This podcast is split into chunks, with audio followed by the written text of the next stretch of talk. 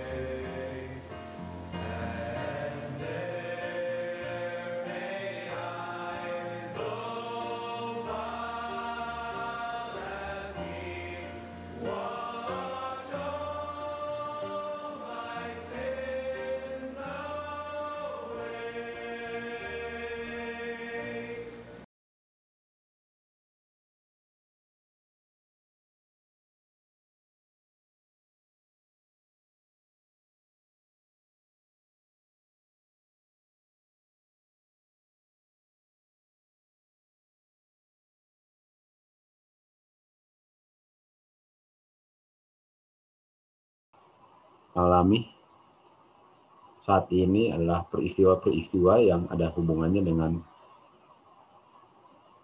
pemaksaan atau undang-undang penyembahan pada hari Minggu.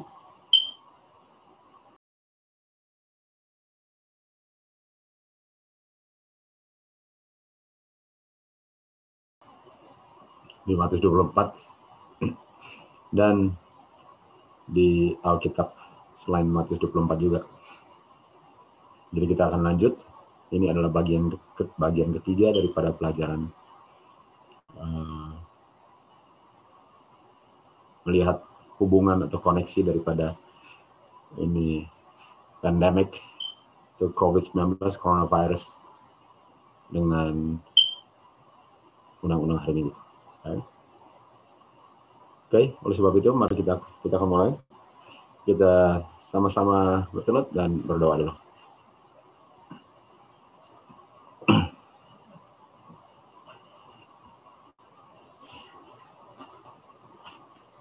Bapak di surga, kami berterima kasih kesempatan untuk bertemu sekali lagi untuk mempelajari akan firman-Mu, nubuatan-Mu yang menunjukkan apa yang sedang terjadi adalah apa yang Engkau telah ungkapkan sesuai dengan uh, Yohanes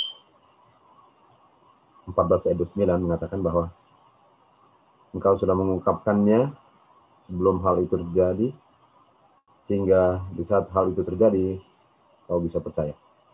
Kami percaya Tuhan, tolong ketidakpercayaan kami. Dan bukan hanya melihat tanda-tanda, tetapi men menuruti akan semua perintahmu bagi pekerjaan persiapan untuk bisa hidup di masa kepicikan nanti, masa yang sukar. Dan kami tahu itu adalah tanda-tanda bahwa datangan anakmu Tuhan Yesus sudah tidak lama lagi. Untuk kami, dalam pelajaran ini dan percaya kuasa kegelapan pun rencana untuk membuat mengalihkan pikiran kami dengan distract kami dari kabaran yang kami butuhkan tapi kami percaya malaikat Tuhan pun akan menolong kami untuk bisa fokus mengerti karena yang mengertilah yang akan benar-benar bisa melakukan apa yang perlu dilakukan sebelum terlambat. Terima kasih Bapak, kami percaya Engkau mendengar dan menjawab doa kami, bukan sesuai dengan keinginan kehendak kami, tapi sesuai dengan kehendakmu, yaitu yang kami inginkan.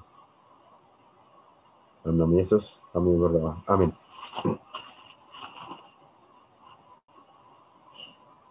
Oke, okay. Saudara-saudara, apakah bisa dengar? Make sure mic-nya semua oke? Okay? Bisa, Uncle. Bisa.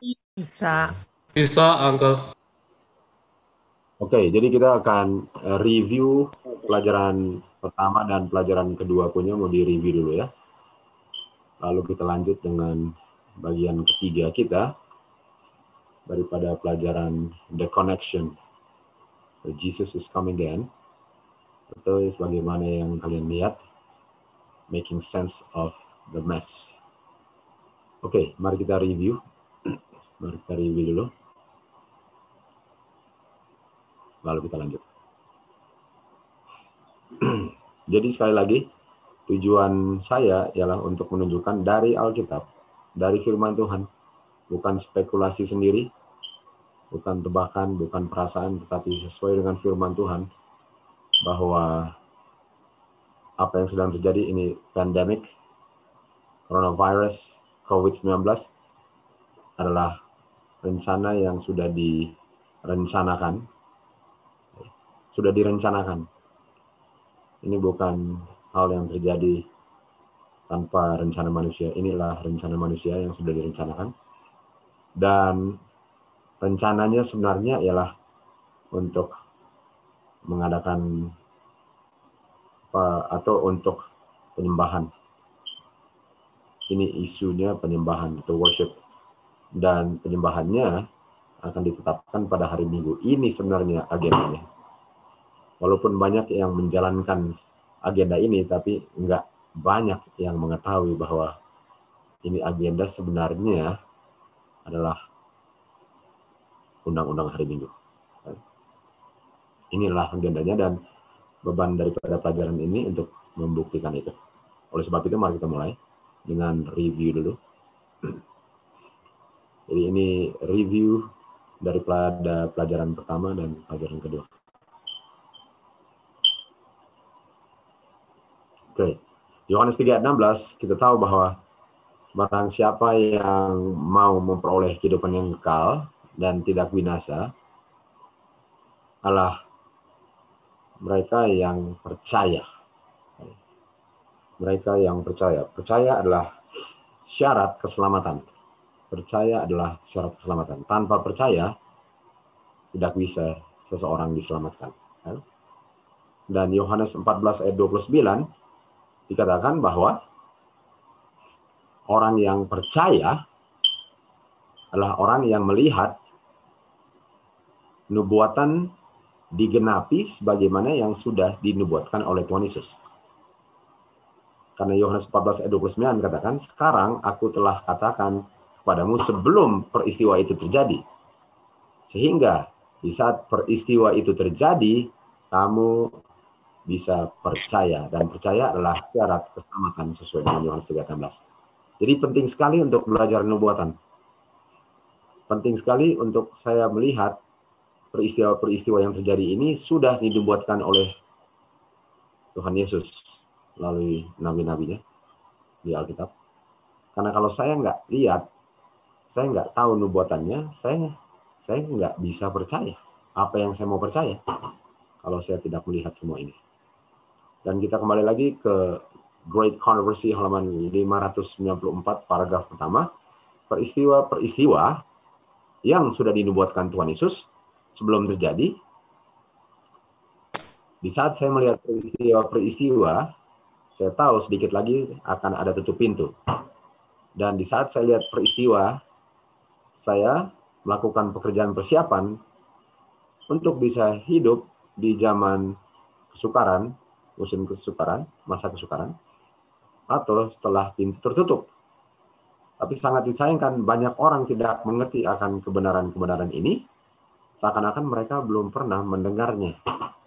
Karena setan merampas impresi atau setan merampas atau membuat mereka nggak mengerti atau melihat tapi tidak mengerti atau kalau kalau mengerti pun tidak melihat pentingnya sehingga sehingga impresi mereka yang sudah dirampas setan itu membuat mereka akan kedapatan tidak siap waktu Tuhan Yesus datang. Jadi sekali lagi, penting sekali untuk kita ketahui akan peristiwa-peristiwa ini. Orang yang nggak tahu ini peristiwa adalah pengenapan nubuatan dan ada hubungannya dengan tutup pintu, di saat tutup pintu mereka akan kedapatan tidak siap atau hilang. Mereka akan kedapatan hilang. Matius 25 ayat 10, 11 dan 12. Dan sementara gadis-gadis bodoh pergi beli minyak, mempelai pria datang. Dan gadis-gadis yang bijaksana yang sudah siap minyaknya sebelum peristiwa itu, masuk ke dalam pernikahan dengan mempelai pria dan pintu tertutup. Dan di mana gadis-gadis bodoh lokasi mereka setelah pintu tertutup? Masih di luar, masih di luar pintu. Artinya mereka kedapatan tidak, tidak siap untuk masuk karena mereka tidak memiliki minyak. Dan ayat 11, setelah itu datanglah gadis-gadis yang bodoh dan berkata, Tuhan, Tuhan, bukakan pintu kepada kami.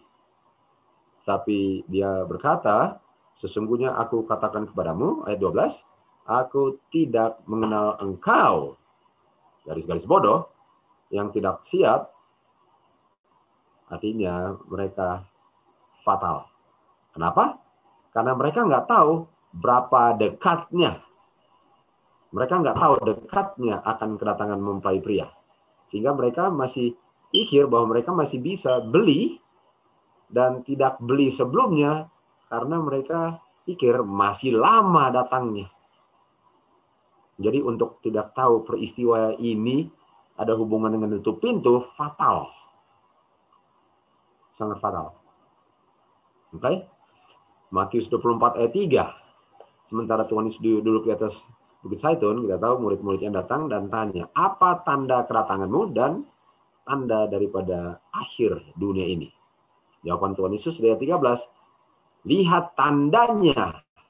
Karena tandanya itu menunjukkan dekatnya kedatangan dan karena kamu tidak tahu kapan datangnya, kamu harus lihat dan mengerti dan melakukan pekerjaan persiapan di saat kamu melihat tandanya. Dan dari mana saya tahu itu tandanya? Dari mana saya tahu? Itulah tandanya. Karena tandanya sudah dibilang oleh Tuhan Yesus apa yang saya harus lihat. Itu adalah nubuatan sedang digenapi. Oke. Kita ke Great Controversy 594 lagi, kita ulang lagi.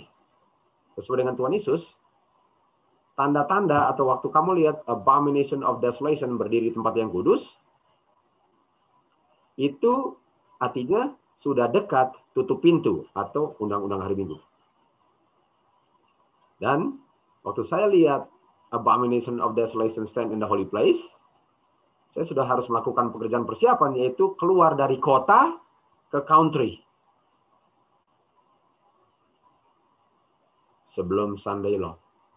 Jadi untuk bilang nanti kalau Sunday Law baru saya bikin sesuatu sudah terlambat.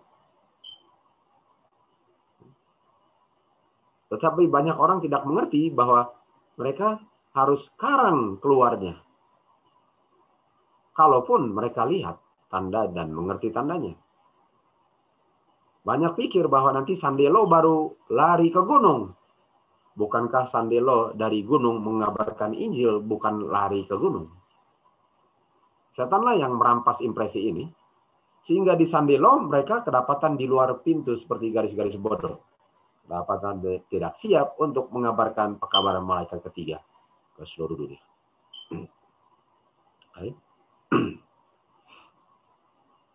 Great Controversy halaman 370. Walaupun tidak seorang pun mengetahui hari dan jam kedatangannya, kita diberikan instruksi dan dituntut untuk tahu kapan dekatnya atau untuk melihat tandanya. Karena tandanya itu yang memberi pengetahuan bagi kita bahwa kedatangannya sudah dekat. Kita juga diajarkan bahwa untuk tidak peduli akan amarannya, untuk tidak mau tahu atau mengabaikan untuk tahu kedatangannya sudah dekat, atau melihat tandanya atau mengerti, atau melakukan pekerjaan di saat saya lihat tandanya, fatal. Fatal. Hilang selama-lamanya. Sebagaimana orang-orang di zaman Nuh tidak tahu tanda-tandanya sebelum pintu Bahtera tertutup. Apa yang terjadi sebagai tanda-tanda sebelum pintu Bahtera tertutup? Tanda-tanda apa yang menunjukkan bahwa pintu Bahtera sudah mau tertutup? Kita lanjut ke halaman berikut. Kita tahu bahwa peristiwa sebelum air bah adalah Nuh mengajar atau uh, ya dia memberikan amaran untuk 120 tahun namanya. Dan di saat pintu sudah tidak lama lagi tertutup, kita lihat binatang-binatang masuk ke dalam bahtera. Nah, kita tahu binatang kalau di Alkitab, binatang itu adalah orang-orang yang dulu. Kalau di di zaman Tuhan Yesus, binatang itu adalah orang-orang kafir orang-orang kafir, melambangkan orang-orang kafir ya. Artinya di saat orang-orang di luar gereja sudah mulai tertarik akan tanda-tanda akhir zaman dan mulai bertanya-tanya dan mulai membicarakan tentang akhir zaman dan mulai belajar Alkitab dan tertarik akan tulisan-tulisan roh nubuat, itu melambangkan binatang-binatang mulai masuk ke dalam bahtera. Dan di saat saya lihat itu, sudah mau tutup pintu atau pintu bahtera sudah mau tertutup. Dan di saat pintu bahtera tertutup, kita tahu tujuh hari kemudian banjir. Jadi sekali lagi, penting sekali untuk mengetahui tandanya supaya kedapatan di dalam pintu, bukan di luar pintu. Oke, ini dia punya gambar. Jadi ini adalah peristiwa-peristiwa yang ada hubungan dengan tutup pintu bahtera yang harus dilihat, dimengerti, dan orang yang melihat dan mengerti harus melakukan persiapan. Sebelum atau sebelum mereka tenggelam di air bah. Noh memberikan pekabarannya dan binatang-binatang mulai masuk bahtera. Ini tanda-tandanya yang kita harus ketahui. Oke, sekarang kita lanjut ke peristiwa yang lain. di manuskrip release 13 halaman 71 dikatakan, di saat hari Minggu akan dibuat hukum, atau di saat hukum hari Minggu atau Sandelo, Dornon Humboldt bilang, hukum Sandelo itu sama dengan waktu Sadrak Mesak Abednego disuruh untuk sembah patung Nebukadnezar. Artinya sama, dia punya paralel. Walaupun zamannya berbeda. Artinya, kalau undang-undang hari Minggu itu sama dengan penyembahan patung Nebukadnezar, peristiwa sebelum itulah yang kita harus ketahui kan. Peristiwa sebelum penyembahan patung Nebukadnezar lah peristiwa-peristiwa yang saya harus lihat, kenal, mengerti, dan mulai bertindak. Apa peristiwa sebelum penyembahan pemaksaan penyembahan patung Nebukadnezar? Daniel 1 ayat 5 Raja Nebukadnezar memberi makanan kepada Daniel Sadrak Mesak Abednego dan semua orang-orang bijaksana di Babylon makanan raja dan minuman yang diminum raja atau makanan dan minuman Babylon. Itu tandanya. Itu adalah peristiwa sebelum penyembahan patung Nebukadnezar. Itu peristiwa yang saya harus ketahui. Nah, kita lihat apa paralelnya dengan akhir zaman. Dan kita sudah tahu kan?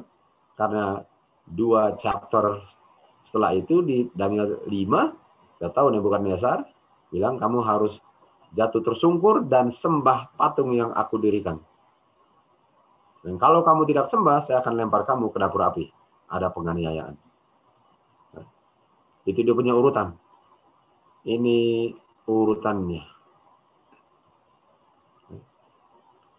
Ini urutannya. Jadi peristiwanya adalah ada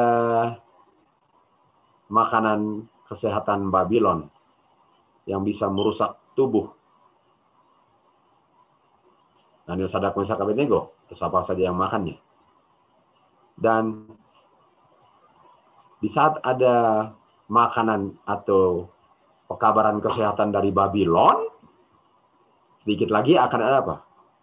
Akan ada undang-undang hari Minggu atau masa kesukaran di mana akan ada pemaksaan penyembahan hari Minggu dan akan ada penganiayaan umat Tuhan.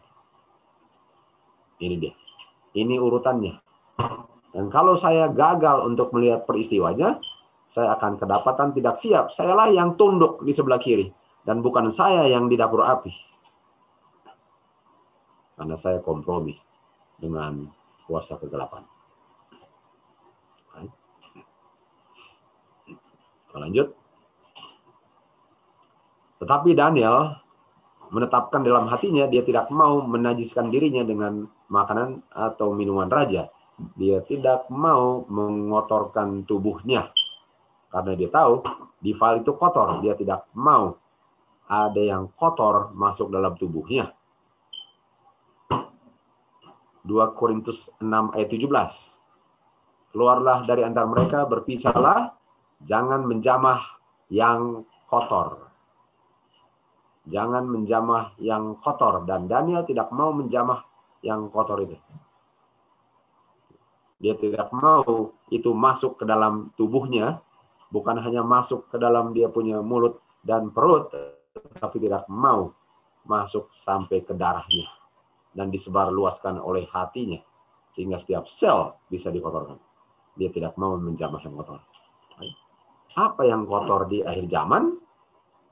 Apa peristiwa kabaran kesehatan Babylon yang mana yang kotor di akhir zaman? Yang kita tahu adalah peristiwa sebelum penyembahan atau pemaksaan undang-undang hari Minggu. Apa yang kotor? Kita sudah tahu. COVID-19. COVID-19 vaksin lah yang kotor. Ini pandemik ini adalah peristiwa yang kita harus tahu, mengerti, dan keluar kota. Di saat kita lihat ini, walaupun saya belum bicara tentang the abomination of desolation, itu pelajaran lain. Tapi ini salah satu tanda bahwa kita nggak bisa tinggal di kota lagi. Karena sedikit lagi apa?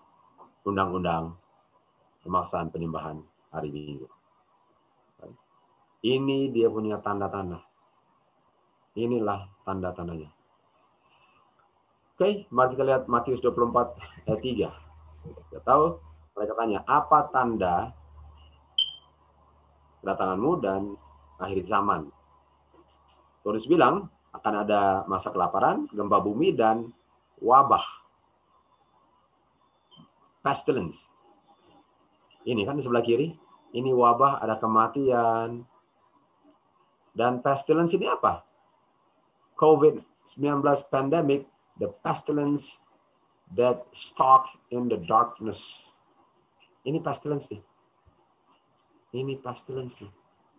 Dan ini pestilence menunjukkan bahwa ini baru awal dari tanda-tandanya. Ini baru awal. Dan kalau awal artinya tambah lama akan tambah kejam, tambah intensitasnya. Kalau kita lihat di kiri, nanti lihat di sebelah kiri ya gambarnya. Dan dibilang sini, waktu kamu lihat pestilence, kelaparan, gempa bumi, ini awal dan setelah itu kamu akan dianiaya.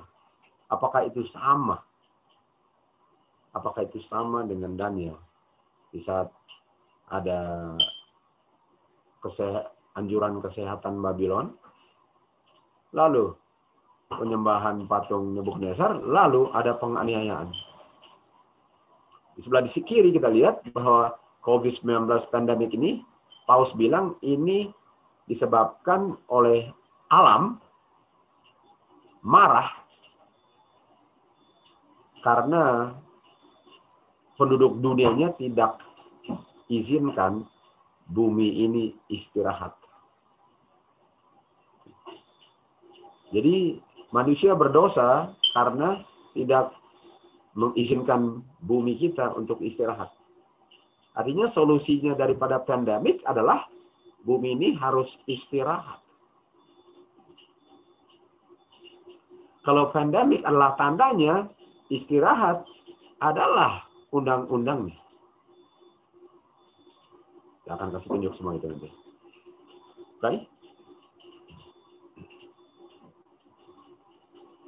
Dan kita tahu nanti akan ada penganiayaan, akan ada yang dibunuh, akan dibenci, akan dihianati, satu dengan lain akan saling akan membenci, dan ini semua penganiayaan yang akan terjadi nanti. Dan ini kita tahu sudah dekat karena kita sudah lihat pandemiknya. Kita sudah lihat tanda yang mendahului peristiwa ini. Dan ini tambah lama tambah apa? Tambah parah. Nah kita tahu dulu cuma COVID-19, novel, novel, namanya novel. Lalu sekarang dibilang Delta. Delta variant. Lalu dari Delta dibilang apa? Ada yang lebih parah dan lebih bahaya. Jadi apakah tambah baik atau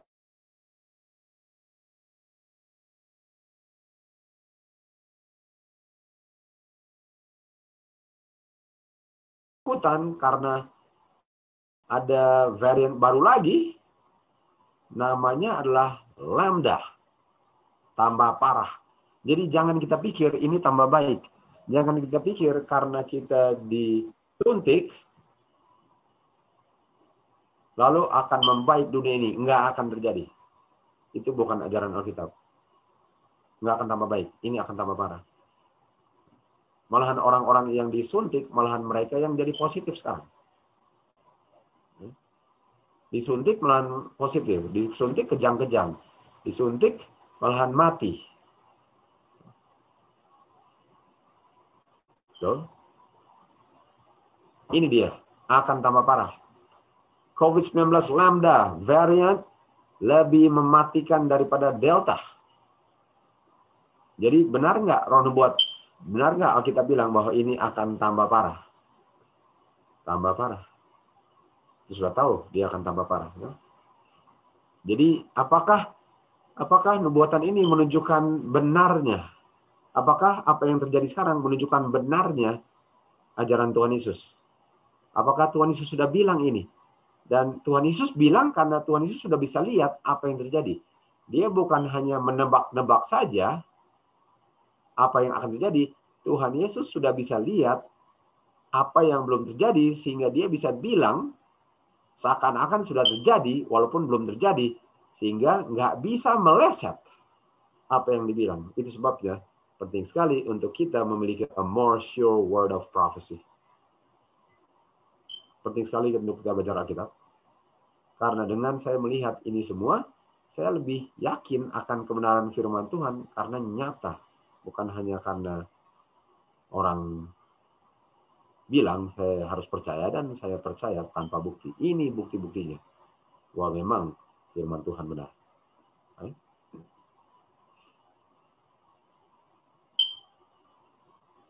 Jadi kita tahu ini akan lebih parah. Dan memang lebih parah, paling kurang mereka bilang lebih parah.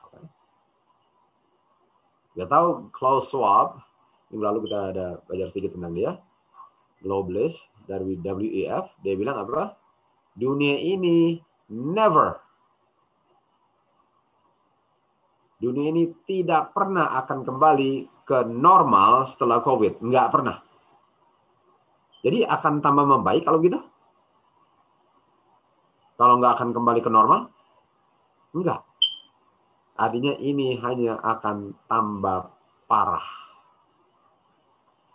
Ini hanya akan tambah parah.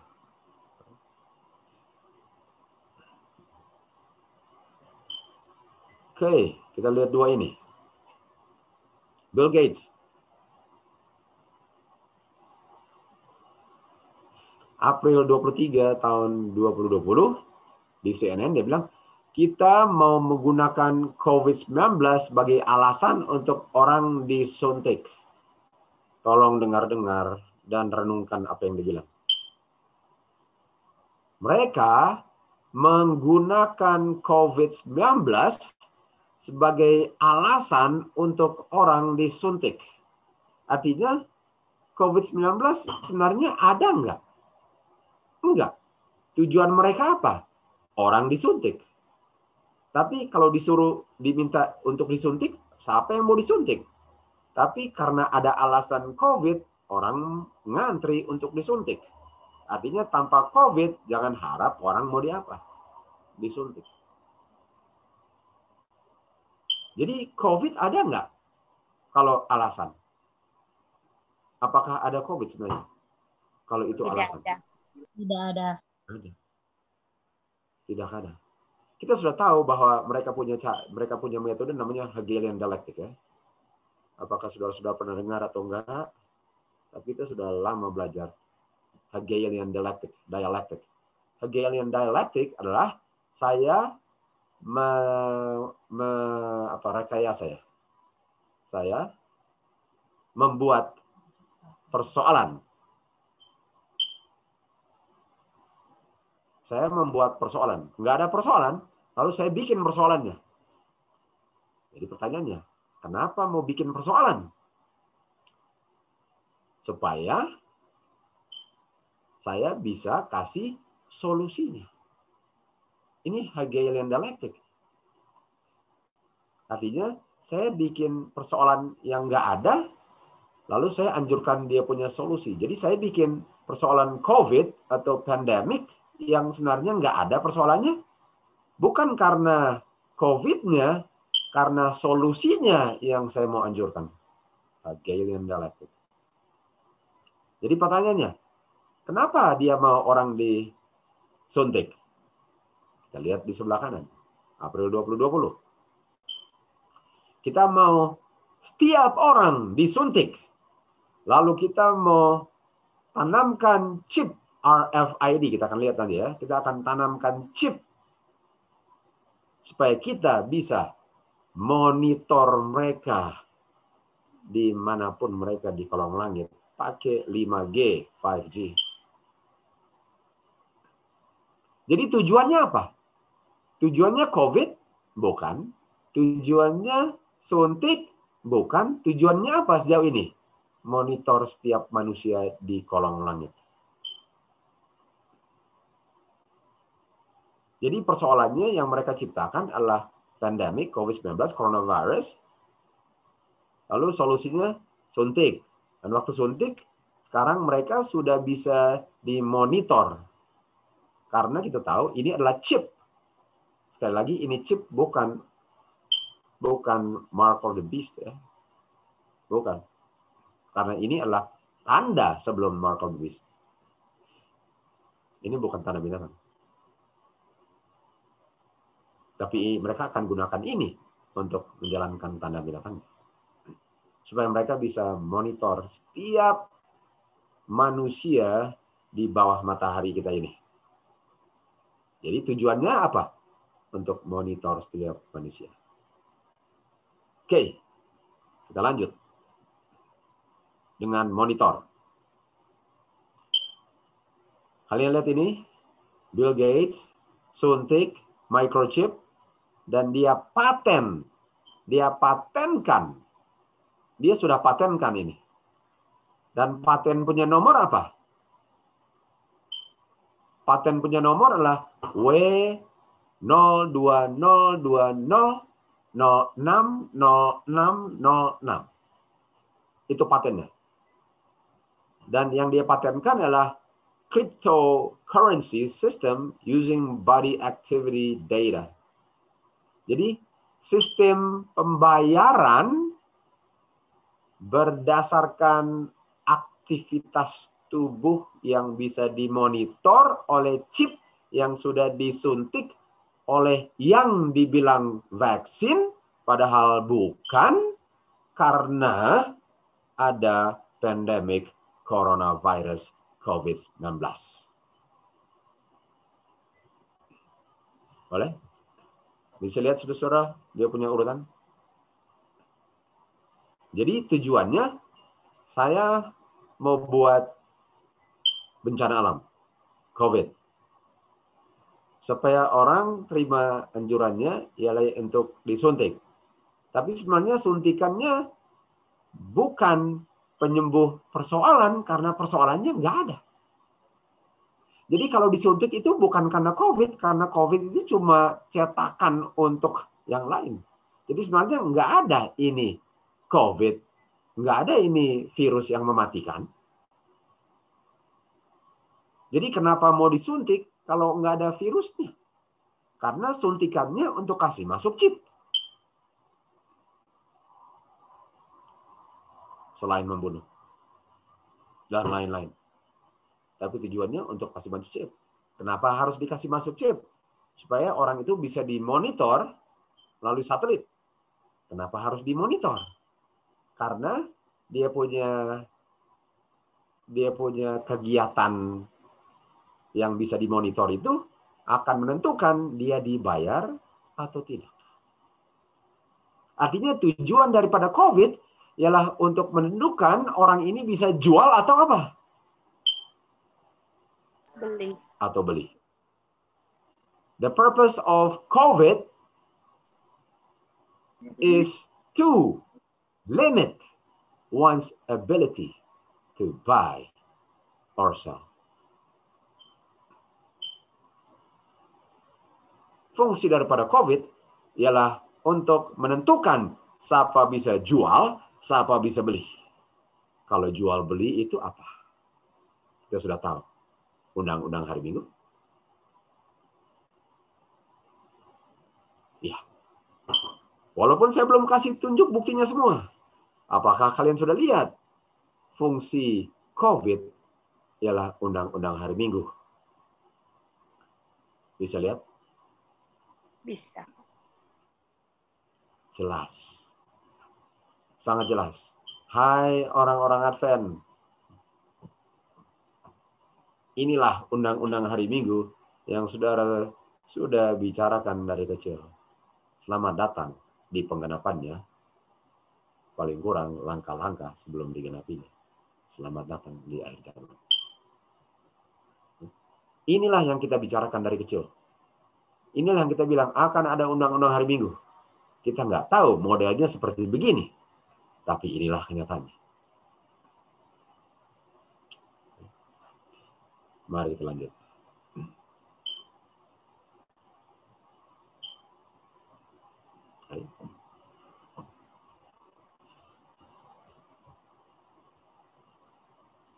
Ini dia gambarnya. Jadi ini orangnya, ini sensornya, ada users device-nya, ada communication network, ada dia punya server, ada sistem pembayaran uangnya. Jadi semua kegiatan orang ini akan ditentukan dengan dia menurut perintah atau tidak.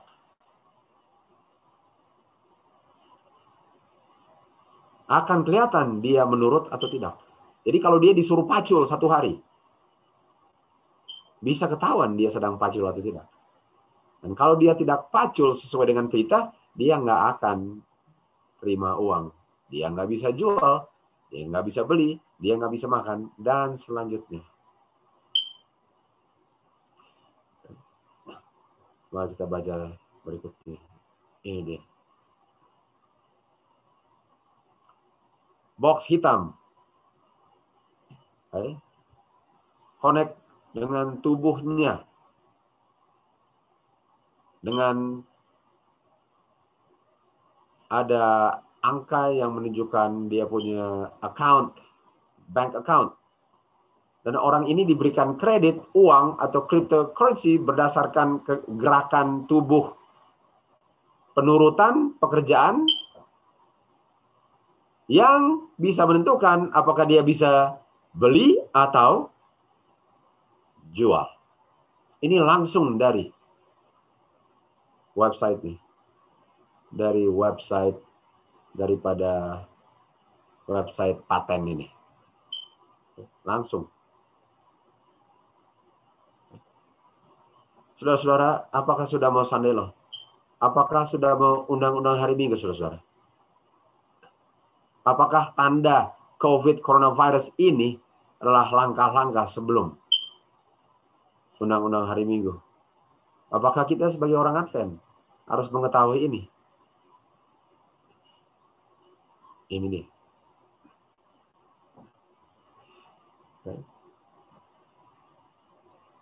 Wahyu 13 ayat 16 dan dia menyebabkan semua tunggu Klaus Schwab bilang yang perlu divaksin hmm, berapa banyak Gates bilang yang perlu divaksin berapa banyak berapa? Semua. semua. Kenapa semua? Kenapa semua? Karena semua bisa diketahui apakah menurut atau tidak. Semua. Jadi waktu kita lihat tadi waktu kita lihat tadi bahwa Gates bilang semua oke ini dia. We want to get everyone. Kita mau semua disuntik. Saya nggak mau bilang divaksin lagi karena ini bukan vaksin. Ini bukan vaksin. Kita mau semua disuntik supaya kita bisa track. Kita bisa tahu kegiatan mereka. Dan kita bisa tentukan berdasarkan kegiatan mereka apakah mereka bisa terima uang atau tidak. Semua, everyone. Wahyu 13 bilang apa? Apa yang Wahyu 13 bilang?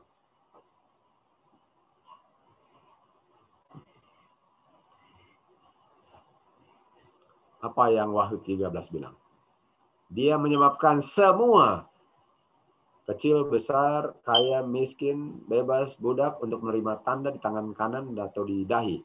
Nah, ini semua ini akan dipaksa tanda binatang. Dan kalau tidak mau terima tanda binatang, mereka nggak bisa jual dan beli. Pertanyaan saya, dari mana mereka tahu orang ini nggak terima tanda binatang? Dari mana mereka tahu? Disuntik. Karena sudah disuntik. Betul? Jadi apakah suntikan itu tanda binatang? Sama sekali tidak. Apakah suntikan itu menolong mereka untuk menentukan siapa yang terima tanda binatang? 100% iya. Boleh? 100%. Dan patennya nomor berapa tadi? Patennya nomor berapa? No, 6. 0606. Oh, nah, biarlah dia mengerti dan menghitung jumlah binatang Karena jumlah manusia ini dan jumlahnya lah enam, enam, enam. Sekarang saudara-saudara, saudara-saudara mau bilang bahwa ini nggak ada hubungan dengan undang-undang hari Minggu? Saudara mau bilang ini nggak ada hu- hubungan dengan undang-undang hari Minggu? Mau berani Tidak. bilang itu? Tidak ada hubungan. 100% Tuhan Yesus sudah mau datang. 100%. Apa yang saudara mau lakukan sekarang? Atau masih ragu? Kalau saudara nggak bikin apa-apa, artinya saudara ragu bahwa ini benar. Dan kalau saudara ragu ini benar, saudara akan kedapatan tidak siap di luar pintu. Karena tandanya sudah jelas. Dan untuk alasan apa pun, saudara nampaknya tidak yakin. Saya lihat kan? Jelas sekali nggak, Stan? Jelas nggak, Stan? Sangat jelas, Kak. Jelas 100%. Jelas. Oke. Lanjut berikut.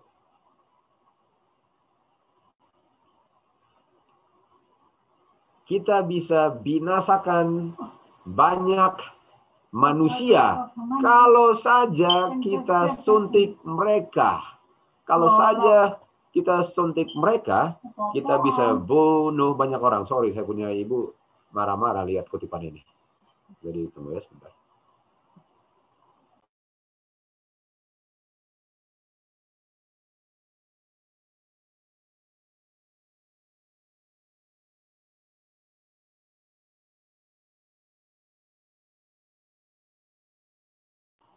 Saya punya ibu lagi frustrasi sekali lihat kutipan ini. Dia bilang keterlaluan banget. Kalian bilang ini keterlaluan nggak? Sorry ya kalau agak ribut sedikit. Keterlaluan jadi. Kita bisa bunuh banyak orang kalau saja mereka disuntik. Ya. Boleh gitu saudara-saudara? Sudah lihat kenapa mereka mau suntik semua orang? Ini bukan vaksin. Sekali lagi, ini bukan vaksin. Ini bukan vaksin. Walaupun dibilang vaksin, ini untuk bisa apa selain vaksin. Ini bukan vaksin. Jadi saya nggak mau bilang ini vaksin karena memang bukan. Dunia ada sekitar 6,8 billion. Sudah menuju 9 billion.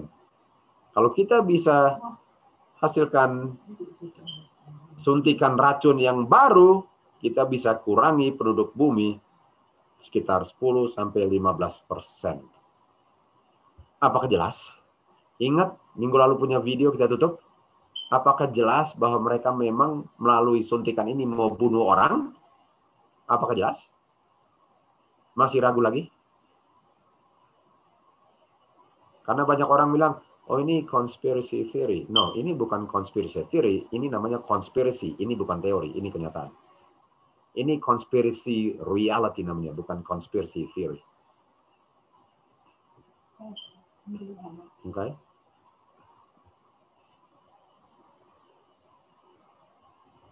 Jadi apakah dia mau mengurangi populasi dunia? Oke, mari mari kita lihat. Siapa lagi yang mau mengurangi populasi dunia? Bekas Presiden General Conference of Seventh Day Adventist Church, dia bilang dia setuju dengan abortion karena abortion itu mengurangi populasi dunia. Bekas Presiden General Conference of SDA Church bilang dia setuju dengan apa yang Bill Gates bilang.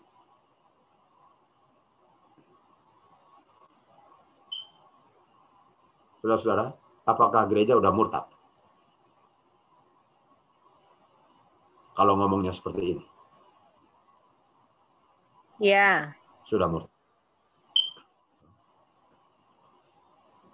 DNA COVID-19 vaksin atau suntikan racun akan memberikan kita kuasa untuk menguasai populasi dunia. Boleh? Dan dia kerjasama dengan apa? WEF, World Economic Forum. Mereka mau menguasai dunia. Saudara-saudara, apakah suntikan-suntikan ini dan COVID ini semua tujuannya kuasa, pembunuhan, dan pemaksaan penyembahan? Apakah ini semuanya, saudara-saudara? Apakah ini dia? Saudara-saudara bisa lihat ini. Saya belum kasih lihat bukti-bukti yang lain. Apakah ini dia? Saudara-saudara bisa yakin Tuhan Yesus sudah mendatang. Karena Tuhan Yesus bilang, kalau kamu lihat tandanya, saya sudah di ambang pintu. Dan kamu harus melewati masa kebicikan Yakub. Kamu harus dianiaya. Kamu akan seperti Daniel di lubang di lubang singa, seperti Sadak Mesak Abednego di dapur api, seperti Jerome dengan Has dibakar hidup-hidup. Oke? Tuh.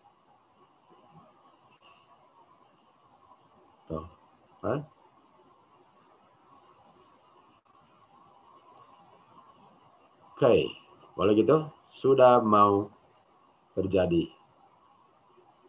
Jadi kita tahu bahwa ini virus COVID-19 ini cuma buatan saja. Ini cuma buatan hanya untuk menjalankan agenda mereka, yaitu undang-undang hari Minggu, puasa, depopulasi, dan pemaksaan semua ini. Tidak bisa jual beli. Dengan catatan, kalau tidak terima tanah binatang. Dan bisa dimonitor semua itu karena sudah disuntik. Bukan oleh vaksin, tetapi oleh suntikan. Salah satunya ialah untuk bisa mengkontrol setiap manusia di kolongan itu. Hai. Oke, mari kita lanjut. Oke, mari kita lihat angka-angka sedikit, oke? Ke go palmo, pulmonary sedikit. So, pulmoni.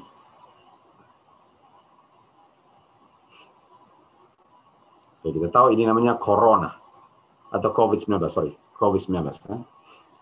COVID-19.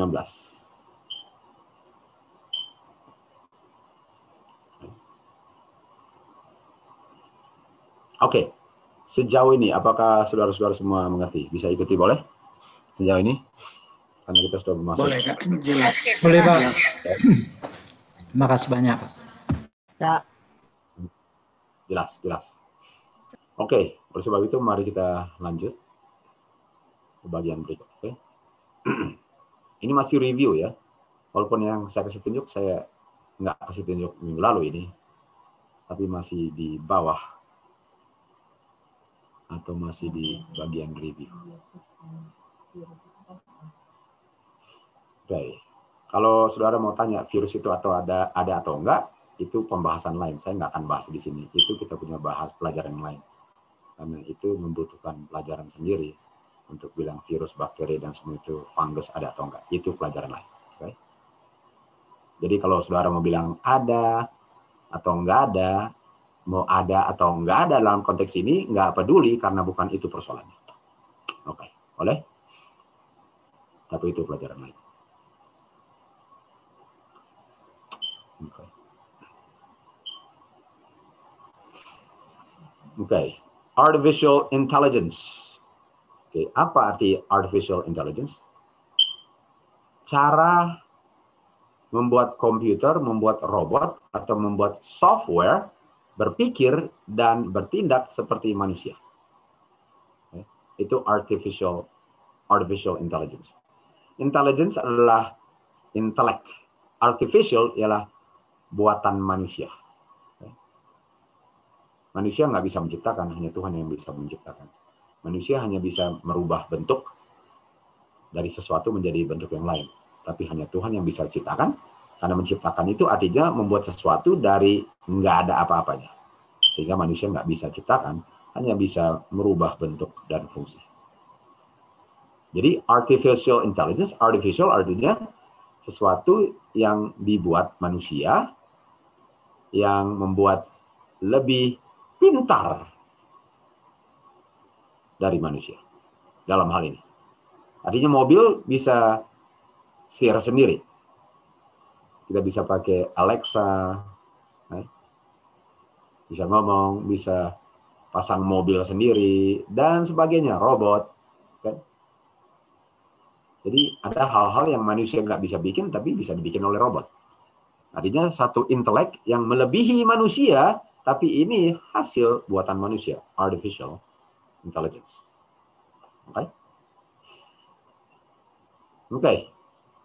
Apakah sudah mengerti itu artinya, Stan? Mengerti ya? Jelas. Baik. Oke, mari kita lihat di mari kita lihat di alfabet A sampai Z. Habis dari E, F, G, H, I, K, L, M, N, O, P, Q, R, S, T, U, V, W, X, Y, Z. Artificial A, intelligence E, atau bahasa Inggrisnya I, AI. Jadi bilangnya AI, artificial intelligence, AI. Oke. Okay.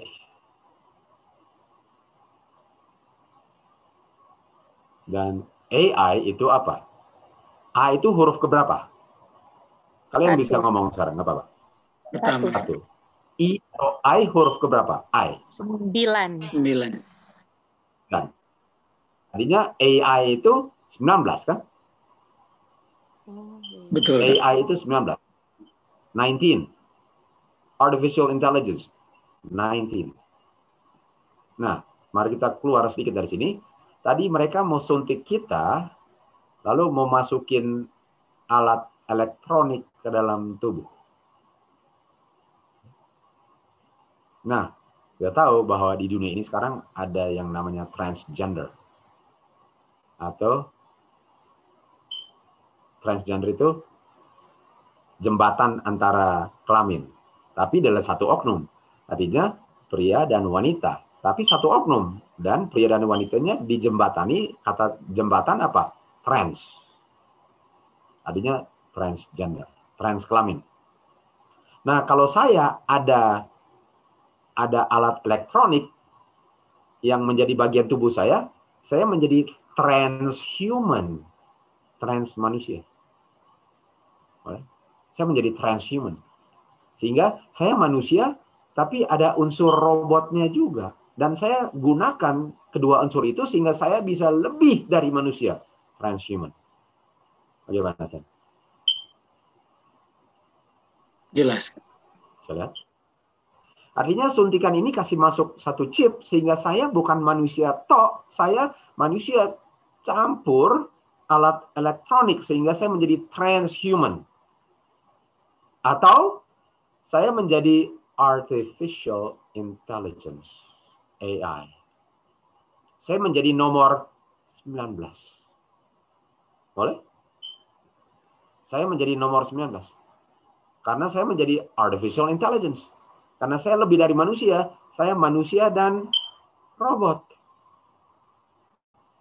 Karena saya sudah dikonek dengan internet di seluruh dunia. Kegiatan saya, pembayaran saya. Ini tujuannya sudah sudah. Ini bukan science fiction. Ini reality. Yes, indeed, Uncle. Reality indeed. Ini dia. Oke? Okay? Oke, okay, jadi saya menjadi nomor berapa? 19. Number 19. Come forward. Nomor 19. Dibilang nomor 19, semua maju, semua nomor 19. Itu. 19. Oke, okay, kita lanjut lagi.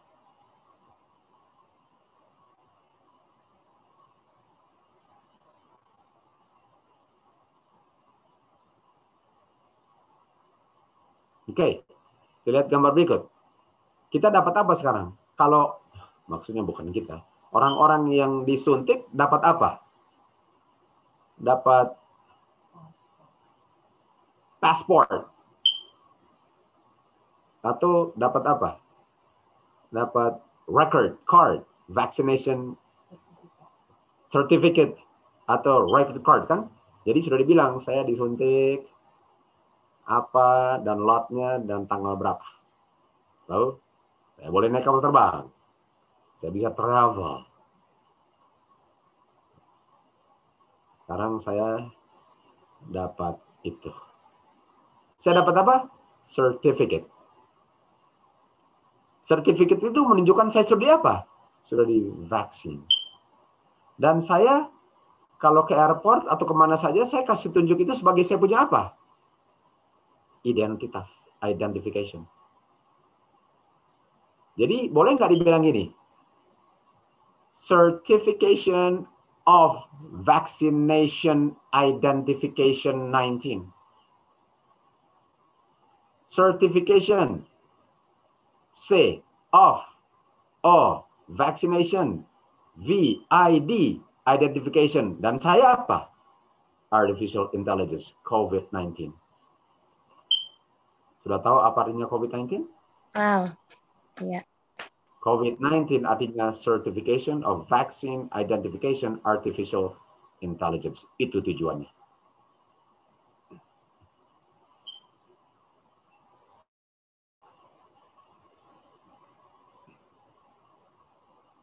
Boleh Alvin? Yes, Uncle. Ini artinya COVID-19. Ini nggak ada hubungan dengan virus, ini hubungan dengan menguasai setiap penduduk di bawah langit ini. Untuk bisa didikte, siapa bisa travel, siapa bisa dibayar, siapa bisa jual, siapa bisa beli. Lanjut.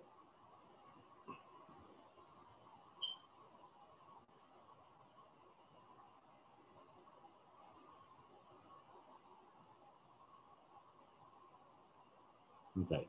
Saya mau kasih tunjuk langsung dari dia punya website. Moderna punya website, oke? Moderna. Moderna. Dia bilang, saya recognize potensi mRNA science. Kita create mRNA technology platform yang fungsinya sama seperti apa? Operating system on a computer ini langsung dari mereka punya website. Jadi ini suntikan ini berfungsi sebagai apa? OS, operating system di komputer. Artinya kalau saya disuntik, apakah saya manusia campur operating system? Bisa? Dan it is design, didesain supaya bisa plug and play dengan berbagai macam program. Dalam kasus kita, program atau app, application. Application-nya ialah kita punya mRNA drug. Saudara-saudara, apakah saudara-saudara menjadi transhuman?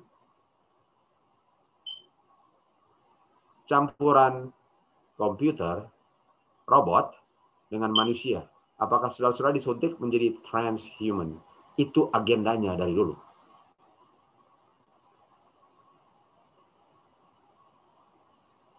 Jadi apakah apakah ini ada urusan dengan virus? Apakah ada urusan virus atau virus adalah alasan untuk bisa kasih masuk ini application? Itu yang di application kalau kalian ke App Store lalu download application, bedanya applicationnya dimasukin ke kalian punya tubuh.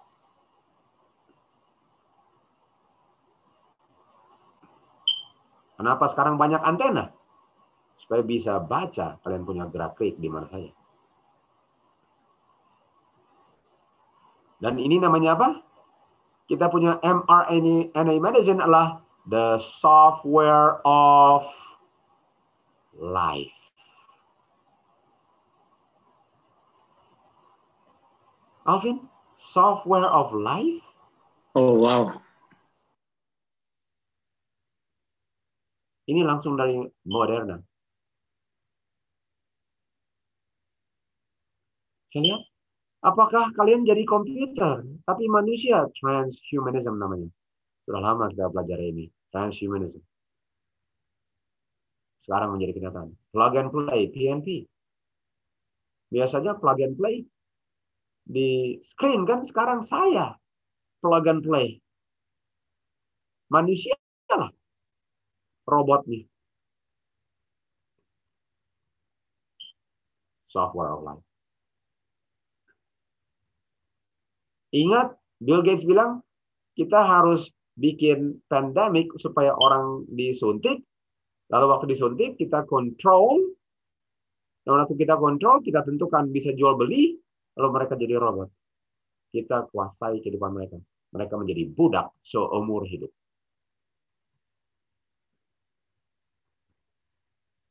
Apakah umat Tuhan menjadi budak?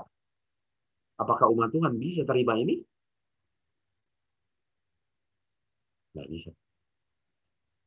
Mana bisa? Mustahil sebagai umat Tuhan lalu terima ini. Apalagi kita nggak tahu isinya. Kita hanya terima aja. Dokter bilang oke. Okay. Pendeta saya bilang oke. Okay. Uh, yang mati di kayu salib bukan doktermu, bukan pendetamu, bukan tetanggamu, bukan istrimu, bukan orang tuamu, bukan suamimu, bukan employermu.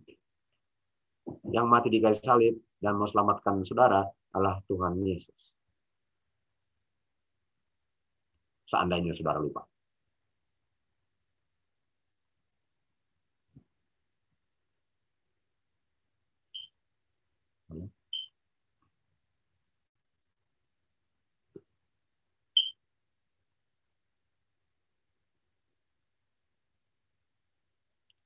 Mari kita lihat kata artificial, artificial, oke? Okay? Apakah sudah keluar dia punya definisi sudah. artificial? Sudah. Ya? Artificial artinya dibuat oleh manusia, khususnya untuk meniru sesuatu yang natural. Artinya buatan manusia untuk meniru sesuatu yang alamiah.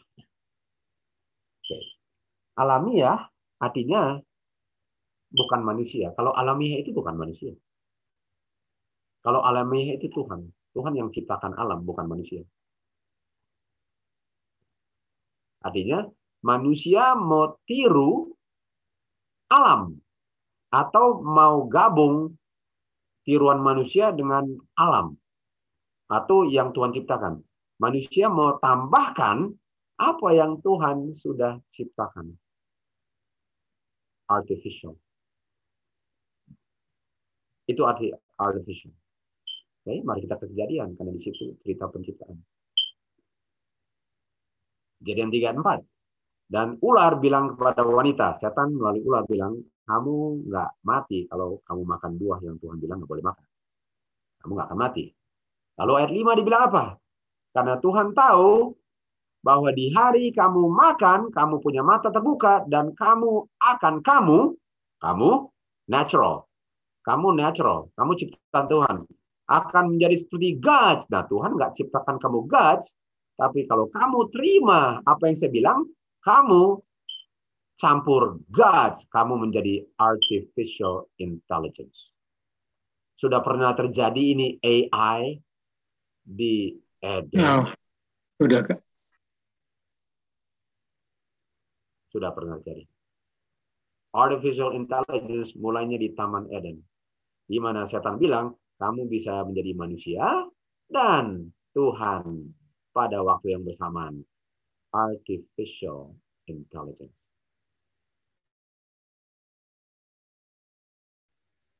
Artificial intelligence di akhir zaman suntikan. Artificial intelligence pertama suntikan Eden. Selamat. 100 persen kira-kira. 100 persen. Mudah-mudahan saudara-saudara dengan belajar ini lebih tertarik untuk belajar Alkitab bahwa kalian sadari, sadari bahwa Alkitab rupanya nggak bosan ya. Enak ya kalau ngerti Alkitab. Nah, siapa bilang bosan? Siapa bilang buku untuk tidur? Siapa bilang kalau nggak bisa tidur baca Alkitab? Nggak ada bacaan di kolom langit yang lebih menarik bagi saya selain Alkitab. Dulu saya nggak bisa bilang itu. Dulu saya baca dan nggak ngerti. Dan dulu kalau baca bukan main langsung ngantuk nih. Sekarang buku kesukaanku adalah Alkitab. Semoga saudara pun bisa bilang yang sama.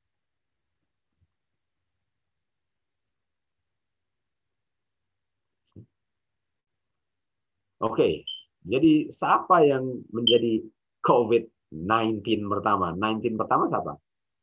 Hawa. Eve was the first artificially inseminated with intelligence from the dark world.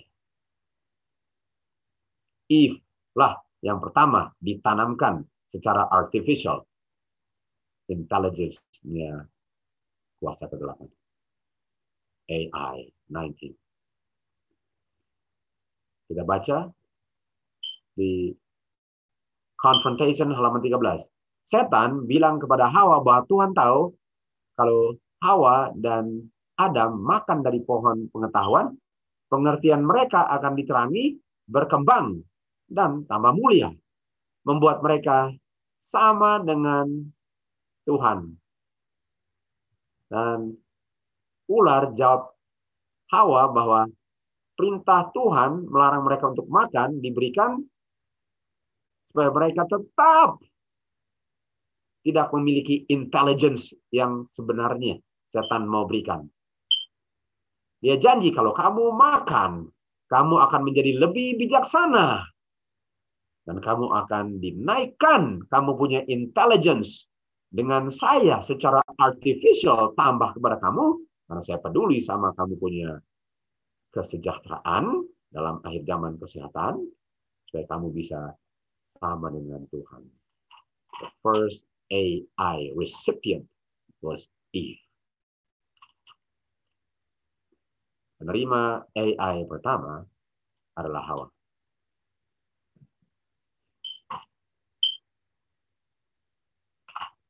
Kita lanjut.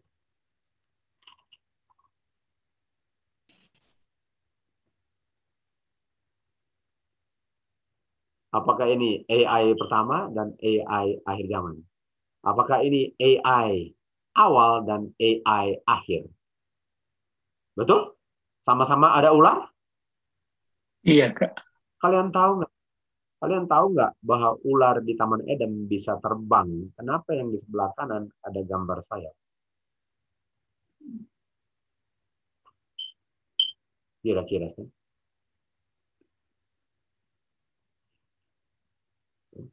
Wow. 1 Timotius 2 ayat 14. Hawa tertipu. Wahyu 18:23. Seluruh bangsa tertipu. Tertipu oleh apa? Sorceries. Apa sorceries?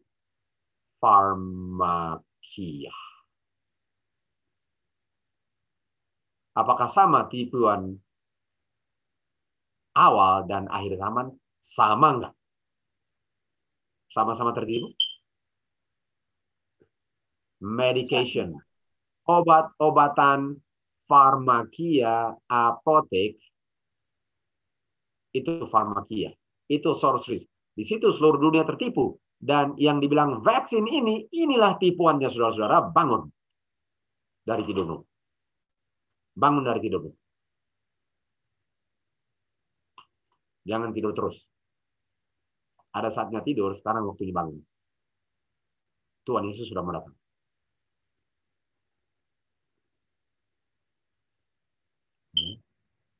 Ini dia. I declare the end. From the beginning. Yesaya 46 ayat 10. Tuhan sudah bilang apa yang terjadi di akhir zaman dengan menunjukkan cerita di awal zaman dunia ini.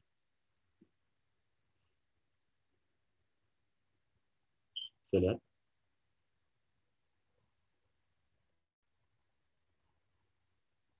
Kita lanjut. Corona. Corona. Betul, Stanley? Corona. Iya. Kita tahu corona artinya mahkota, sesuatu yang di atas, mahkota, corona. Oke. Apakah sudah bisa lihat coronanya? Sudah, Bisa. Pak. Oke. Corona terdiri dari C O R O N A. A C N O R di mana O-nya dua kali. Oke. Nah, kita tahu A1, C3, N berapa?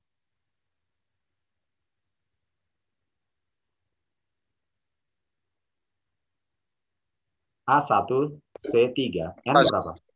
14. 14. O berapa? 15.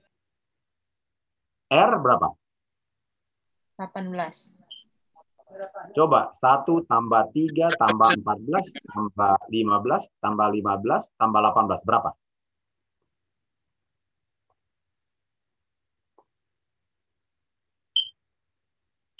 Berapa jumlahnya?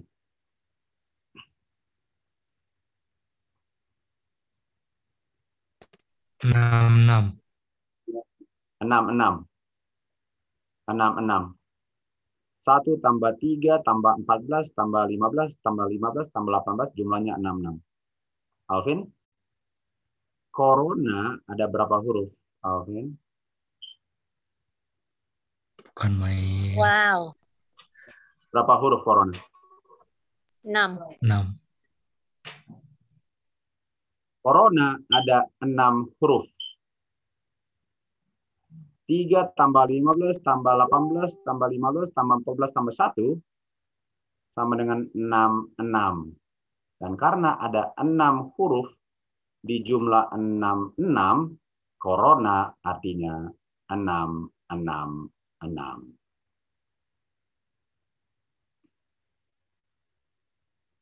Mana Stan? Oh wow. kan main kak.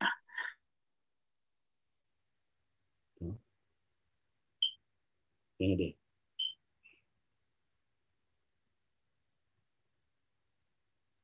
Lanjut. Apa arti virus? Coronavirus. Apa arti virus? Mari kita lihat. Virus artinya apa? Kalian bisa baca? Virus artinya apa? Poison. Racun. Iya, Virus artinya racun. Artinya coronavirus artinya racun 666.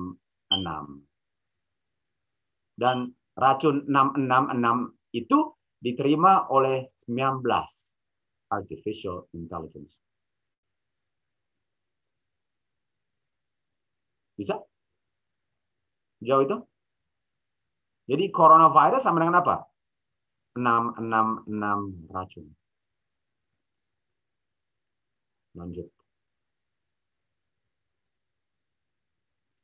Coronavirus ialah 666 virus. Coronavirus adalah 666 racun. Boleh, jadi Boleh, Dedi. Nah, mari lihat, apa ini racun? Apa racun ini? Apa racun ini? Eh? Apa ini racun? Eh? Apa racun ini?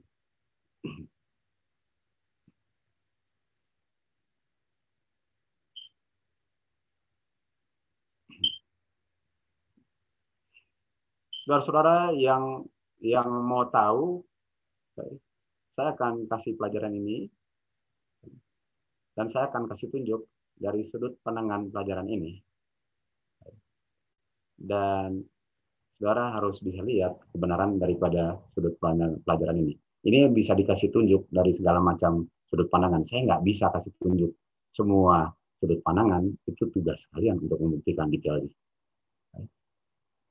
Saya nggak ada waktu untuk bikin pelajaran ini menjadi nggak ada henti-henti. Topik bahannya terlalu banyak. Tapi saya mau kasih tunjuk sedemikian rupa sehingga kalian bisa lihat ini menunjukkan undang-undang hari Minggu. Tapi kalian harus melakukan kalian punya penyelidikan sendiri. Karena saya nggak bisa kasih tunjuk semuanya. Saya nggak ada waktu untuk bikin itu. Kalian harus ada usaha untuk cari tahu sendiri. Ya. Saya nggak ada waktu untuk semua detail-detail saya cariin untuk kalian. Kan? Nggak bisa. Kuncinya lihat arah pelajaran ini yang belum habis. Lihat. Saudara mau percaya atau enggak, itu saudara punya pilihan. Itu bukan pilihan saya. Saudara mau bilang ini dongeng atau enggak, itu saudara punya pilihan. Bukan saya punya. Mau terima atau enggak, itu saudara punya pilihan. Oke, kita lanjut. Kata lain racun adalah venom. Venom. Dan bedanya racun dengan venom, venom hanya adalah racun yang disuntik. Sedangkan racun bisa diterima tanpa disuntik. Artinya venom hanya dengan cara suntikan. Okay. Venom hanya dengan cara suntikan. Begitu? Jadi kata lain coronavirus itu apa? 6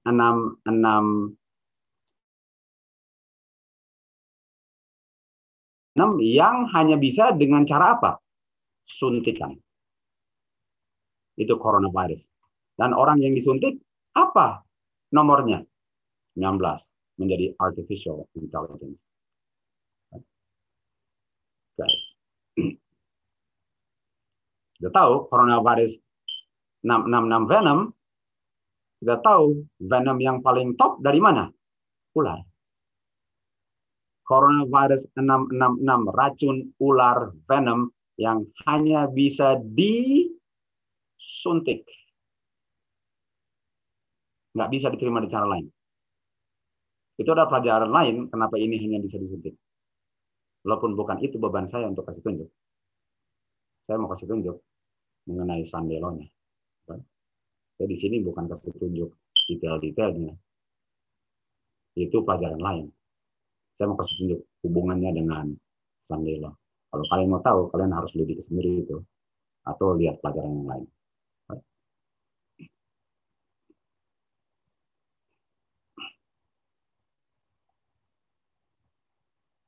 Oke. Ini ularnya. Ini venomnya. Ini hawa pertama. Ini uji coba vaksin eksperimental pertama. Wanita ini. Bisa? Bisa lihat, saudara? Inilah dia.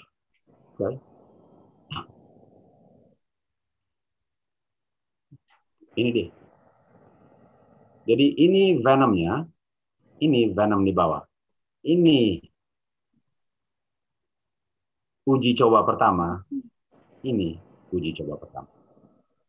Siapa kamu? Oke, okay? dan kita punya kita punya review sudah habis. Ini slide terakhir daripada kita punya review. Habis itu kita mau lanjut, oke? Okay? Oke, okay. kita break dulu.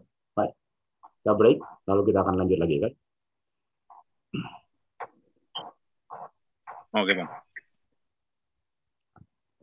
Oh. Aduh. Aduh, Aduh.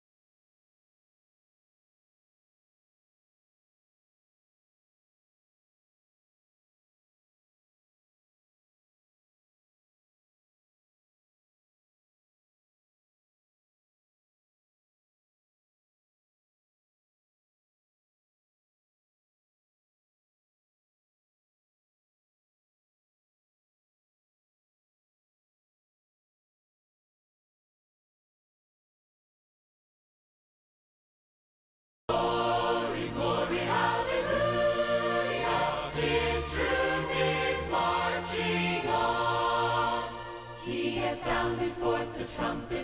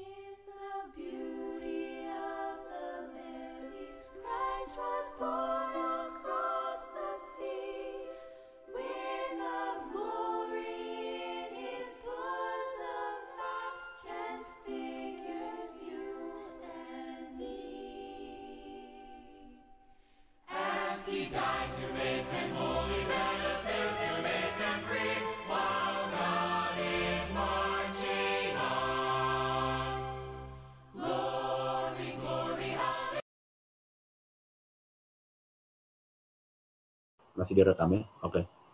Sudah, Oke, standby. sekali lagi. Sekali lagi, eh, saya minta kalian untuk lihat dia punya alur cerita, karena ini seperti cerita yang mau menunjukkan sesuatu. Kita nggak bisa kasih tunjuk A sampai Z daripada ini.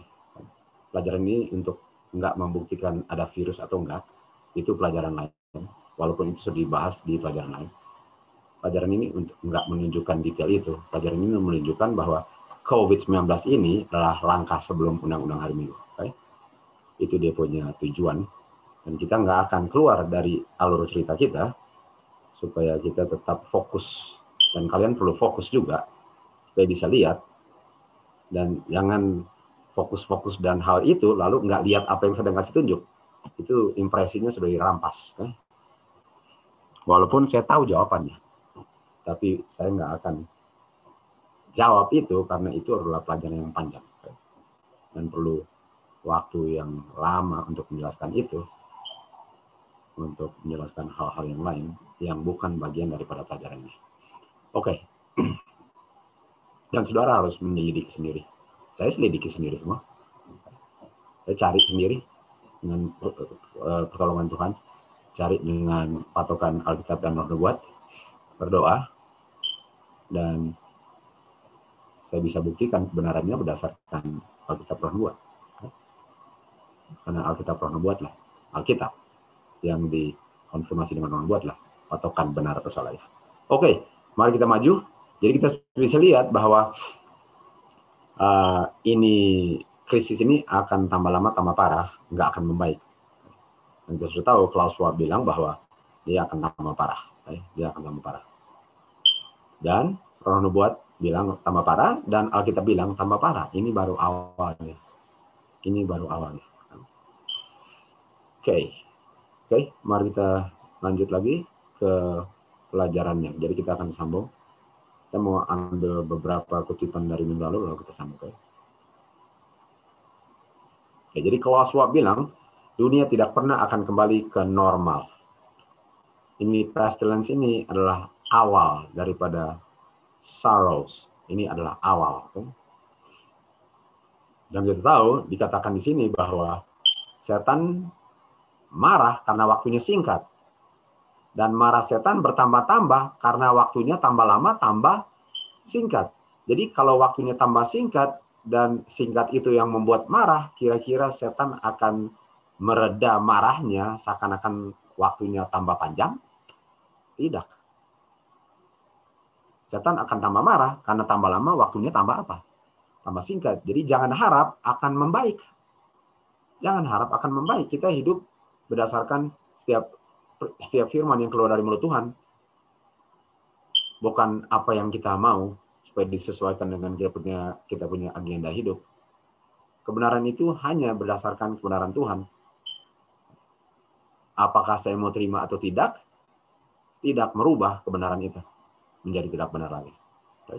Jadi tambah lama tambah akan parah dan dikatakan puncak amarahnya di masa kepicikan Yakub di Daniel 12 ayat 1 sampai Tuhan Yesus datang di laknat atau gempa bumi. Laknat ketujuh tulah ketujuh yaitu kubur-kubur dibuka dan Tuhan Yesus datang. Tuhan Yesus bangkitkan orang-orang mati dan bergabung dengan orang-orang yang tidak mati dan orang-orang yang mati naik ke surga ke awan dulu dan diikuti orang-orang yang tidak pernah mati. Oke, dan masa kesukaran ini akan lebih parah daripada masa kesukaran yang dialami oleh Yerusalem waktu Yerusalem dibinasakan. Dan di time of trouble ini kan, harus disingkatkan waktunya sangkin dahsyatnya.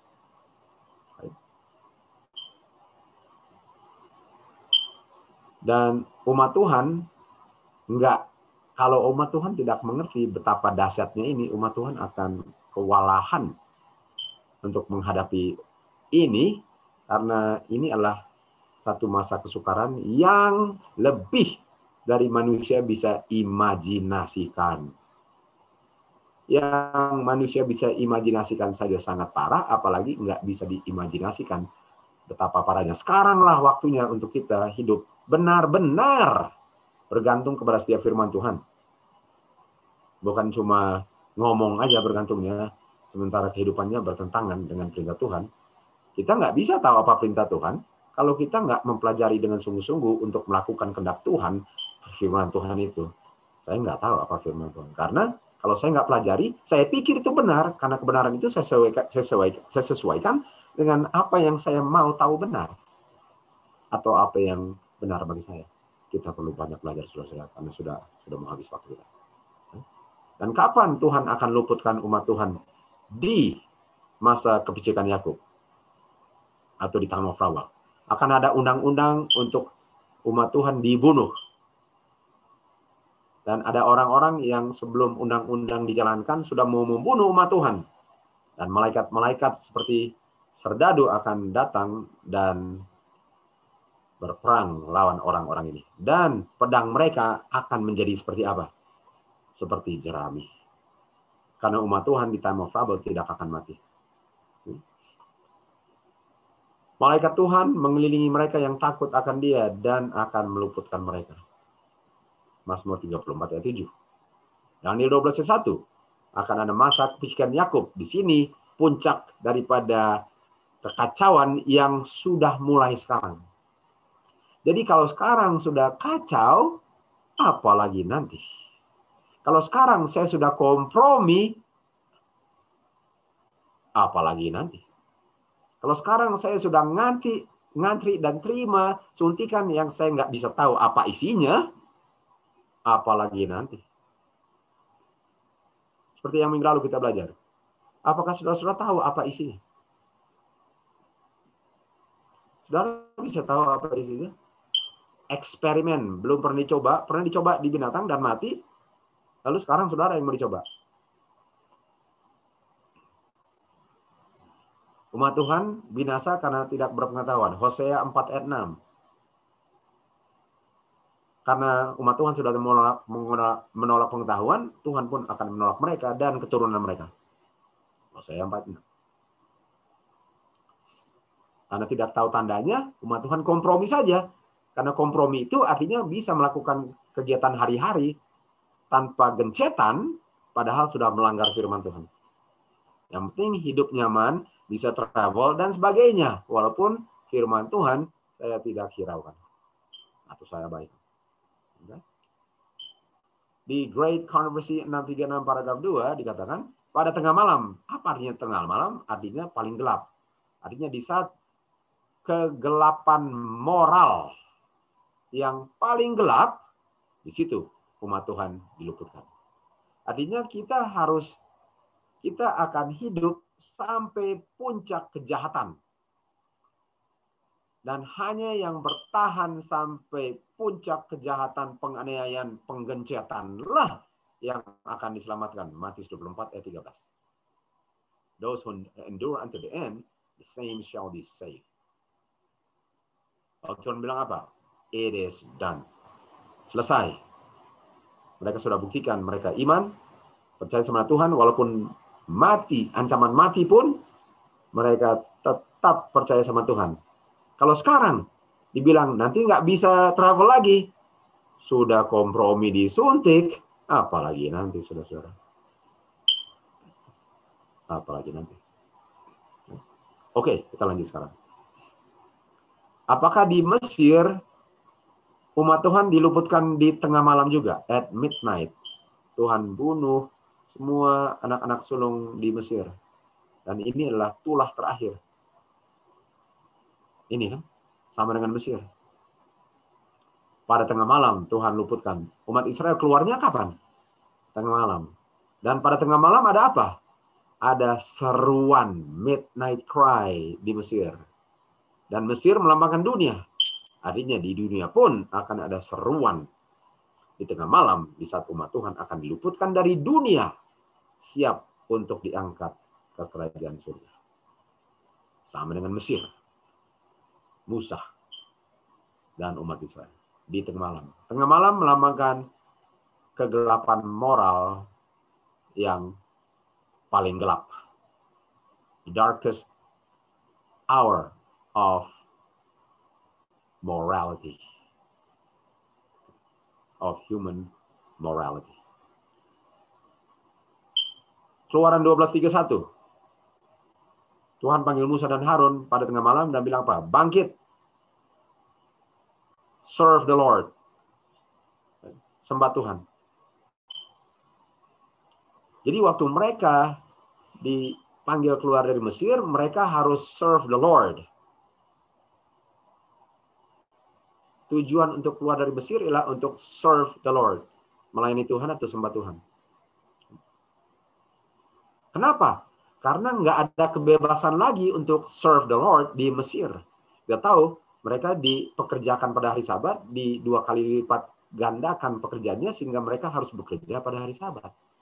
Artinya ada pemaksaan kerja hari Sabat di Mesir sehingga umat Tuhan dipanggil keluar supaya bisa bebas beragama di luar Mesir di tanah perjanjian. Dan kita tahu tanah perjanjian, kanan dunia, melambangkan kanan surga. Artinya di dunia ini ada pemaksaan penyembahan selain hari Sabat, di mana kita pun dipanggil keluar dari dunia ini di tengah malam sama dengan di Mesir, supaya kita bisa sembah Tuhan dengan bebas di kanaan surgawi. Joshua 24 ayat 15. Pilihlah hari ini, bukan besok, bukan nanti. Sekarang kamu mau sembah siapa? Tetapi bagi saya dan rumah tangga saya, kami akan sembah Tuhan. Jangan tunggu-tunggu sekarang. Karena karakter nanti adalah karakter saya yang sekarang. Saya nggak bisa rubah karakter nanti. Karakter yang nanti itu saya sudah bentuk sekarang. Jangan tunggu krisis besar. Karena kalau krisis sekarang nggak bisa, apalagi krisis tambah besar nanti, lalu harap bisa. Oke? Jadi ini menunjukkan bahwa tambah lama tambah apa? Tambah parah. Yang saya mau tekankan, jangan pikir bahwa ini tanggal. Kalau kita disuntik, kalau kita ngantri disuntik, mereka bilang akan tambah baik. Itu bohong dongeng. Itu dongeng, itu bohong. Nggak ada kebenarannya itu. Nggak ada kebenarannya. Bukankah mantap umat Tuhan ada firman Tuhan sebagai patokan kebenaran sehingga kita tahu siapa yang ngomong benar dan siapa yang bohong. Ada saatnya, Science of the Times Januari 17, 1884, paragraf ke-12, mereka akan tunjuk ke bencana alam di darat dan di laut, angin badai, banjir, gempa bumi, dan api. Mereka bilang bencana alam ini, bencana alam ini akan apa? Bertambah-tambah tambah lama tambah parah. Seperti gerbong kereta api, gerbong berikutnya tambah parah. Roh buat Science of Times. Bencana alami tambah parah. Badai tambah parah, banjir tambah parah, pestilence tambah parah, gempa bumi tambah parah, api tambah parah, kejahatan tambah parah. Sampai Tuhan Yesus datang. Baru terjadi damai baru ada nama. Oke. Okay. COVID-19, social distance, slow the spread. COVID-19,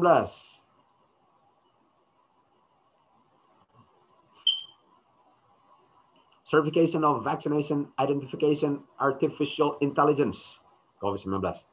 Social distance, kita menghambat penyebarannya. Penyebaran apa, Stan? Kalau kita baca Review Herald, COVID ini menghambat penyebaran gospel. Bisa lihat, Stan? Oh, bisa jelas. Itu dia. Slow the spread of the gospel. Dengan kita ditutup muka kita, dengan kita harus social distance, bagaimana saudara-saudara bisa mengabarkan pekabaran malaikat ketiga? dengan slow social distance slow the spread, the gospel sedang slow spreadingnya. Kristus telah memberikan kepada kita pekerjaan mengabarkan Injil, tapi pekabaran itu dihambat oleh pandemik. Bagaimana mau spread the gospel kalau harus jaga jarak? Bagaimana kalau mau spread the gospel kalau harus tutup hidung dan mulut? Bagaimana mau spread gospel kalau mereka sedang ketakutan sementara yang mau kabarkan gospel pun sedang gemeter? Takut kena virus. Apakah ini tipuan permainan semua? Saya nggak takut untuk bilang yang benar. Karena yang kebenaran ini sudah lama diinjak-injak. Dan yang harus kabarkannya sudah nggak tahu bedanya lagi. Harus ada orang yang berani untuk kabarkannya. Dan kalau kalian nggak berani, saya akan saya salah yang melakukan. Saya hanya peduli dengan nanti pekerjaan saya, nanti nggak bisa kerja lagi, nggak bisa makan. Saya nggak peduli dengan itu. Saya hanya peduli dengan buat yang benar. Saya punya upah kehidupan kekal. Pusing amat, mati kelaparan.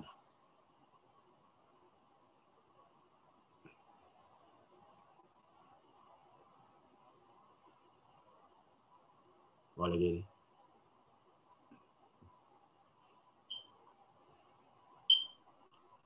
Setelah murid-murid telah diusir dari Yerusalem melalui penganiayaan, gospel merembet. Artinya, gospel itu slow, pelan spreadingnya gara-gara apa? COVID. Dan di saat ada yang mengungkapkan dongengnya COVID, akan terjadi penganiayaan dan hanya melalui penganiayaan karena ada yang berani bilang ini dongeng, barulah gospel mulai dikabarkan. Orang-orang yang hanya mau mempertahankan kehidupan nyaman gaji, rumah, mobil, kehidupan nikmat sehari-hari, yang nggak mau kabarkan Injil karena mengganggu kehidupan nyamannya, nggak akan Tuhan gunakan karena tetap pakai mask, tetap divaksin, dan gak akan dianiaya dan tidak akan mengabarkan Injil.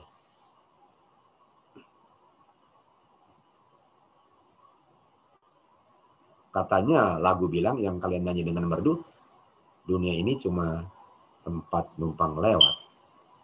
Apakah kalian benar-benar maksudkan itu atau cuma lagunya merdu doang? This world is not my home. Aduh, merdu sekali ya walaupun yang nyanyi nggak percaya apa yang dibilang. Jadi nyanyinya untuk menginjil atau mau kasih tunjuk kehebatan nyanyi. Kalau mau kalau soal kasih tunjuk kehebatan nyanyi, lebih baik nonton orang dunia hebat nyanyi. Nggak ada isinya. Kalau soal hebat nyanyi. Tapi kalau mau pusing amat hebat nyanyi tapi ada benar-benar menghidupkan, nah itu yang mantap lagu ini.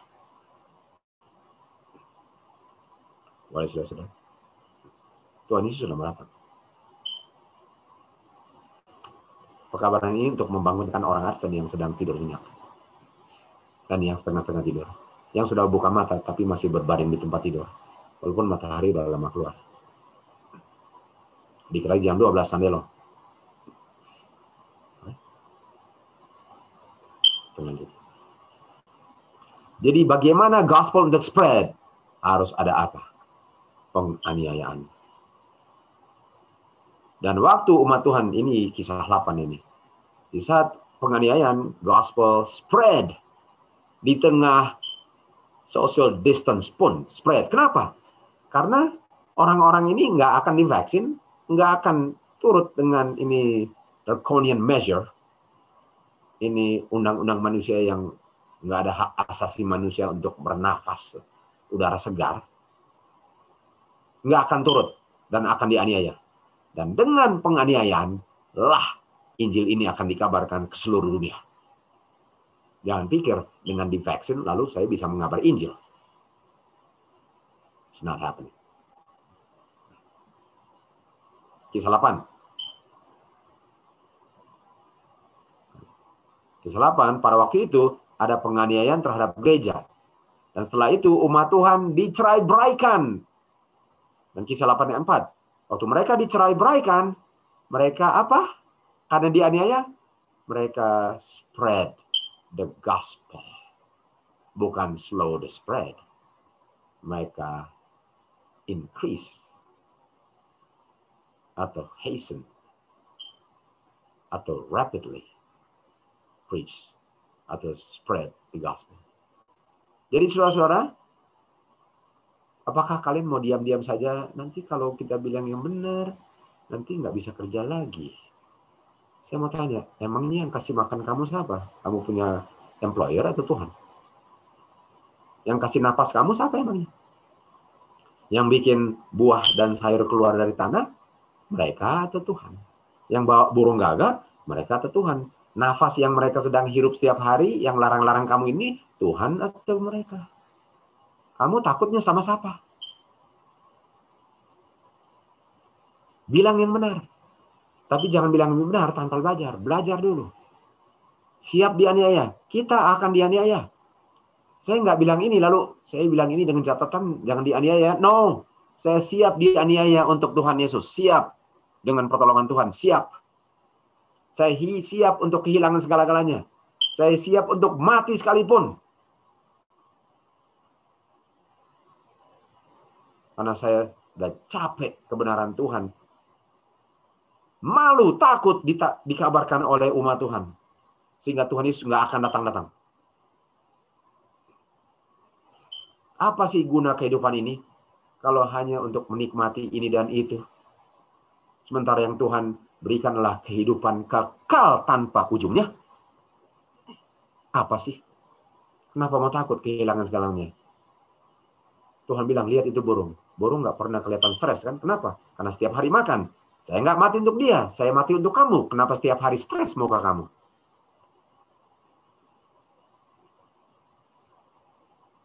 Ini pertanyaannya. Ask the question we need to answer. Boleh, Stan?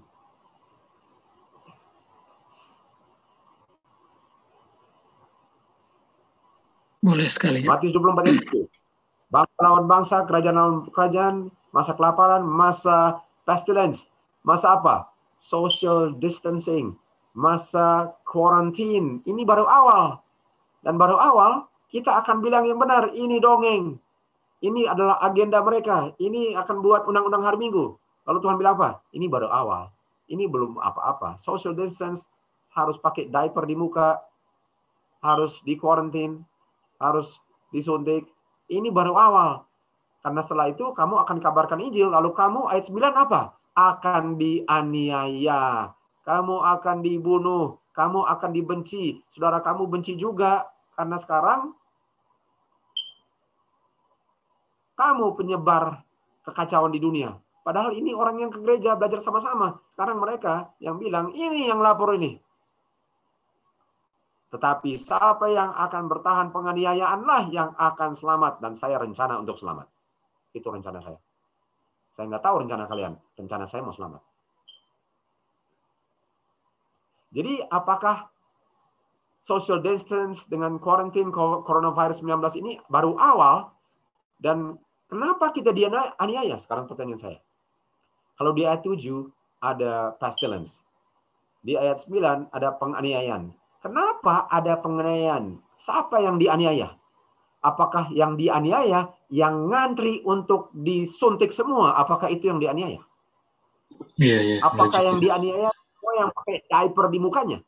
Iya, Apakah iya. itu yang dianiaya? Apakah itu yang dianiaya?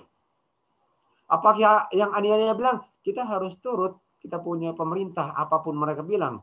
Bukankah baiknya kalau kata pemerintah kalian ganti dengan nama Tuhan? Iya, iya. Iya. Iya. Jadi pertanyaan saya, kenapa setelah pestilence ada penganiayaan? Kalian bilang, oh karena hari sabat. Emangnya karena hari sabat, apakah kalian buka gereja hari sabat? Ini pertanyaan saya. Sekarang saya mau tanya, Hmm. apakah hari sabat dalam pandemik gereja terbuka? Enggak. Nah, kenapa mau aniaya kalau kalian berbakti di rumah dan takut di gereja karena nggak boleh di gereja? Kenapa kalian mau dianiaya? Kenapa kalian mau dianiaya kalau kalian tutup gereja? Kalau ke gereja pun berjarak dan pakai mask dan cuma berapa orang dan cuma berapa jam. Kenapa mau dianiaya? Kalau kalian semua turut akan undang-undang kaisar. Kenapa perlu dianiaya? Kalian nggak ada jawabannya. You don't have an answer to that. Why? Because you're afraid to lose your life for Jesus Christ. Jawabannya, karena kalian takut mati untuk juru selamatmu. Stand up and be a man. Be a Christian. Be Christ-like. So help us God.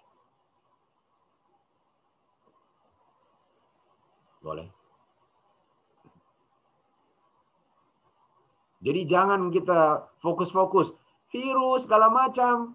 Apakah ada virus atau enggak? Oke, okay. kalau mau belajar itu enggak apa-apa. Sudah mau undang-undang hari Minggu. Apakah saya percaya Tuhan? Atau mau pusing? Enggak ada virus, enggak ini, enggak itu. Padahal sudah mau undang-undang hari Minggu dan saya masih takut untuk dianiaya untuk Tuhan. Itu fokusnya, saudara-saudara. Jangan hilang fokus. Ini namanya orang Advent. Tuhan bangkitkan Esther untuk jam-jam seperti itu. Tuhan bangkitkan Advent untuk jam-jam akhir zaman. Are you an Adventist?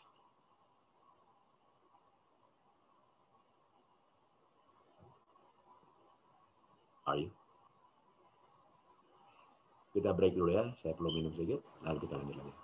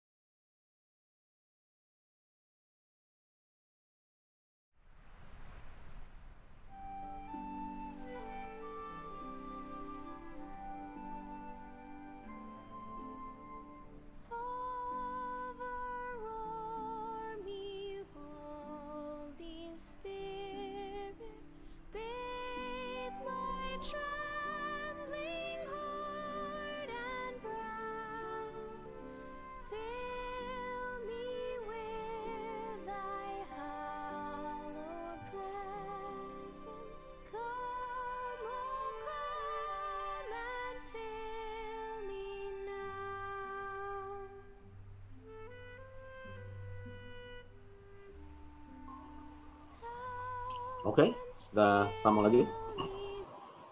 Saudara, ada pendeta di Kanada. Baru-baru ini kalian lihat atau enggak? Dia bilang yang benar, dia dikasih masuk penjara. Dikasih keluar, dikasih masuk lagi. Hanya untuk bilang yang benar. Satu kali kelak kita semua akan mengalami hal yang sama.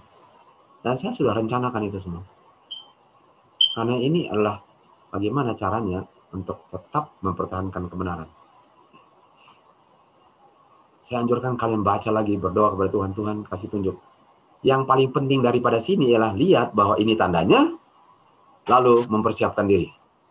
Jangan kita fokus di hal-hal yang membuat saya nggak mempersiapkan dan memiliki iman, kepercayaan, ketergantungan sepenuhnya pada Tuhan di saat saya membutuhkannya di dalam krisis dan sebelum krisis. Itu yang paling penting. Pada umumnya banyak orang sangat fokus dengan hal-hal yang tidak membuat saya siap, sehingga walaupun perdebatan itu nggak pernah diselesaikan, yang saya butuhkan saya nggak miliki, dan waktu pintu tertutup, saya kedapatan di luar. Oke. Boleh, Amin? Ya, Mbak. Dia mengerti, ya, Mbak. Mari kita maju. Mari kita lihat ayat-ayat yang lagi. Mari lihat dia punya urutan. Ini namanya belajar Alkitab. Kita lihat urutannya. Kita lihat urutan Alkitab. Ini namanya belajar Alkitab.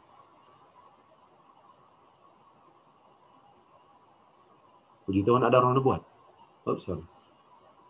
Ini harus tembus.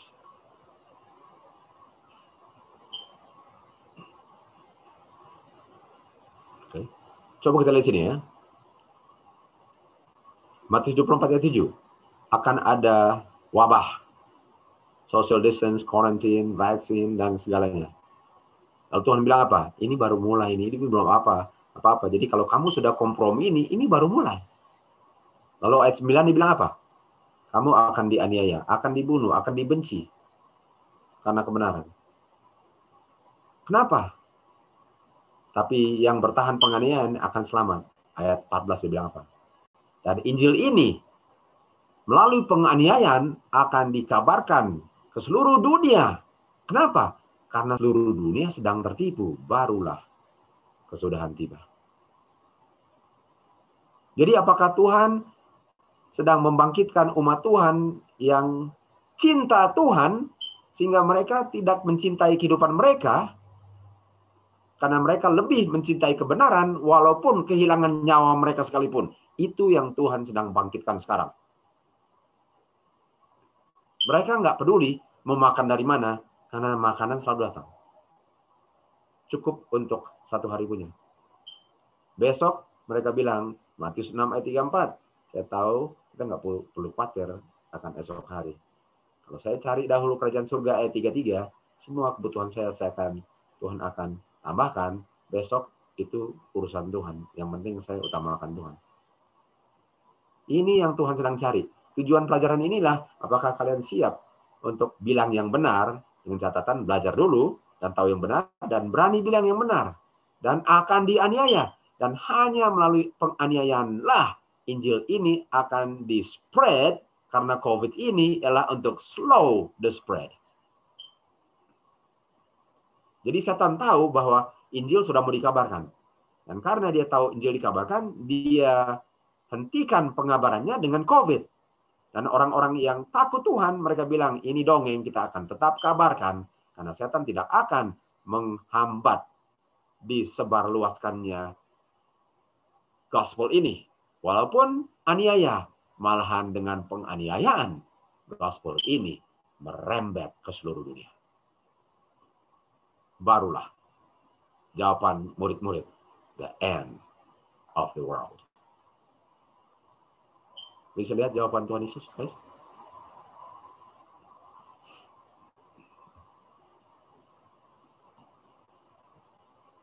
Berikut. Sekarang kita lihat di ayat 3. Mereka bilang, apa tanda the end? Tuhan bilang, hati-hati. Karena akan ada yang tipu kamu.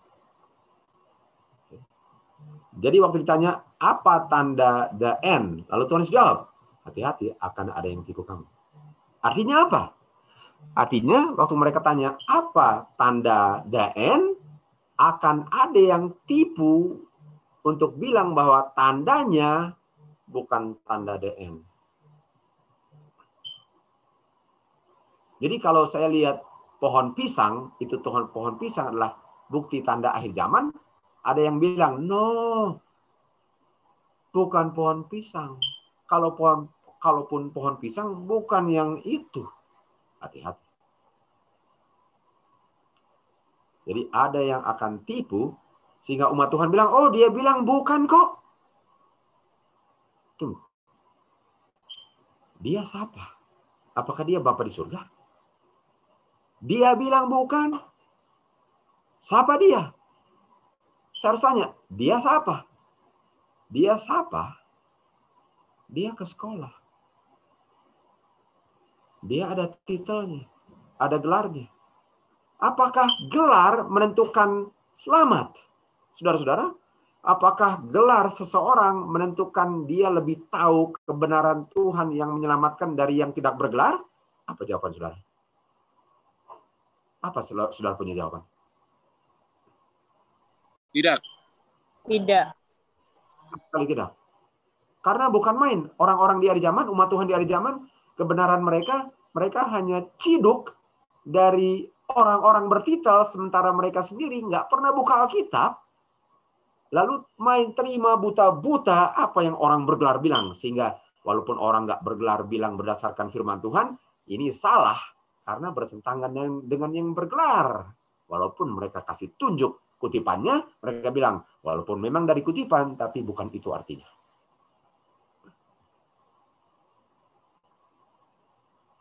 Artinya siapa yang akan tipu? Orang yang berpengaruh. Siapa yang akan tipu mengenai akhir zaman? Orang-orang yang mempengaruhi orang-orang yang tidak terpelajar. Orang-orang yang terpelajar akan memengaruhi orang yang tidak belajar karena orang-orang yang tidak terpelajar mereka hanya percaya kepada orang berdasarkan titel, gelar, dan diplomanya.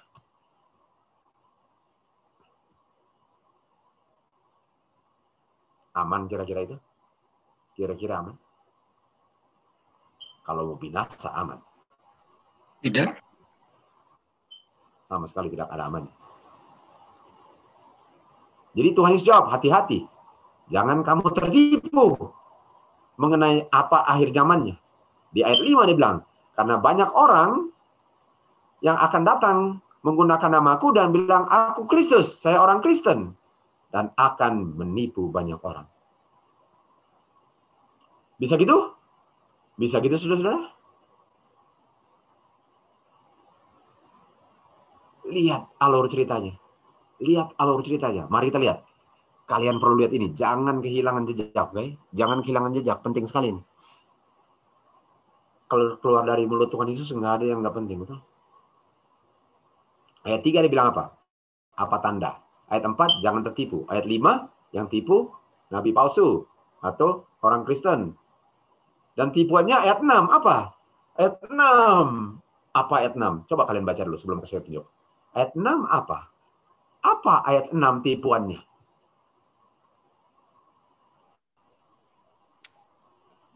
Rumors of war. Desas-desus perang. Betul nggak? Kalian bisa lihat itu? Iya. There shall be wars and rumors of wars. Bisa lihat nggak? Jadi mari lihat. Apa tanda? Jangan tertipu. Jangan di, di, jangan ditipu orang Kristen. Well, tipuannya apa? Wars and rumors of wars. Ayat 6. Rumors of wars. Artinya akan ada yang bilang rumors itu rumor. Bahasa Indonesia rumor juga kan? Atau desas-desus. Kalau nggak salah. Rumor. Rumor itu apa? Kata lain rumor apa? Ayo, kata lain rumor apa? Konspirasi. Oh, Iya, Iya. betul. Boleh? iya, iya. Iya. Boleh? Selain rumor adalah konspirasi. Teori. Betul ada betul ada ancaman perang ini lawan ini. Kalian tahu nggak bahwa peperangan itu bukan negara ini benci negara itu. Peperangan itu ialah hanya untuk itu namanya military industrial complex. If you guys don't know what it is, mereka bikin uang dengan ada perang. Kalau damai nggak ada, nggak cetak uang. Kalau semua sehat, nggak cetak uang. Saya ulang lagi. Kalau dunia damai, mereka nggak bikin uang. Kalau semua orang ambil natural remedy, nggak ada yang bikin uang. Dengan adanya orang sakit, mereka kaya raya. Dengan adanya perang, mereka kaya raya. Wars and rumors of war. Perang itu bukan, uh, negara ini benci dia. Enggak, mereka kerjasama.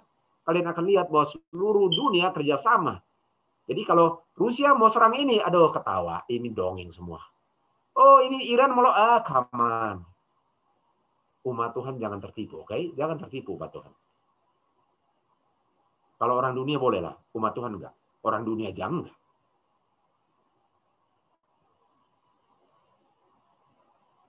Oh tapi dulu perang dunia pertama, kedua, ketiga. Jangan bilang-bilang itu tanpa baca, tanpa selidiki. Makanya belajar. Jangan cuma bilang kenapa-kenapa, tapi nggak pernah belajar.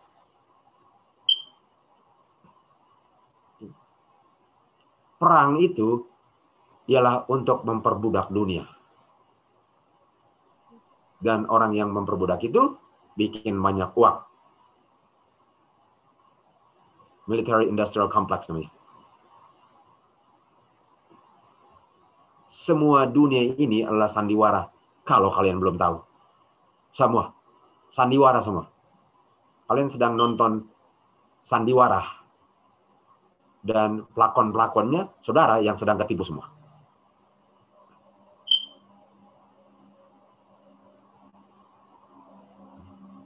Jadi Tuhan bilang, mereka tanya saya, apa tandanya? Jangan tertipu. Yang tipu orang Kristen.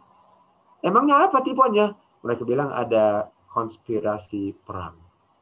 Rumors of war. Oh. oh, wow. Siap? Yang bilang apa? Orang apa? Yang bilang orang apa, Sam? Rumor? Orang Kristen. Yang bilang orang Kristen. Dan dengan bilang ini, mereka bilang apa? Ini bukan tanda akhir zaman. Ini bukan tanda akhir zaman. Karena mereka bilang ini konspirasi ini, ini bukan tanda akhir zaman, bukan. Jangan kamu ditipu. Lihat tandanya, jangan lihat gelarnya. Apakah Tuhan bilang, kalau kamu kalau kamu kalau kamu kalau mereka yang bergelar bilang ini tandanya itu dia. Apakah itu yang Tuhan bilang? Kalau orang-orang yang bergelar bilang itu, itu tandanya. Apakah itu instruksi juru selamatmu? Tidak. Never. Enggak pernah. Tuhan bilang, Tuhan kasih tunjuk tandanya sehingga orang buta pun bisa lihat. Enggak perlu diterjemahkan orang lain. Jadi kalau harus diterjemahkan orang lain, lebih parah dari orang buta. Orang buta bilang, uh, ini kayaknya perkataan Tuhan Yesus nih. Orang yang buka mata bilang, bukan. Kenapa bukan? Yang kamu lihat sama kan? Iya. Karena dia bilang bukan. Siapa dia? Ah, ini dia lah hati-hati jangan tertipunya.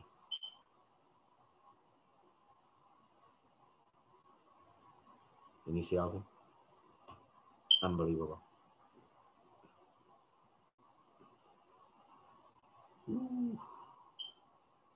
Sekarang saya mau tanya, lebih menarik mau belajar Alkitab nggak sekarang sebelah sana? Lebih tertarik mau belajar Alkitab? Iya. Absolutely. Absolutely. Makanya saya jatuh cinta dengan Alkitab mulai tahun 2006. 15 hampir 15 tahun lalu. Saya mulai jatuh cinta dengan Alkitab. Sebelum itu saya nggak tertarik dengan Alkitab. Kalau pegang pun, kalau bicara nubuatan pun, saya bisa ingat benar-benar nggak ada isinya. Tapi di saat saya mulai jatuh cinta, puji Tuhan, nggak pernah jatuh keluar dari cinta Alkitab. Puji Tuhan. Indah, sudah-sudah. Nggak ada yang lebih indah daripada firman Tuhan. Itu kesaksian pribadi kalian dengar dari saya punya mulut sendiri. Jadi ayat 6 akan ada wars and rumors of wars. Oke. Okay?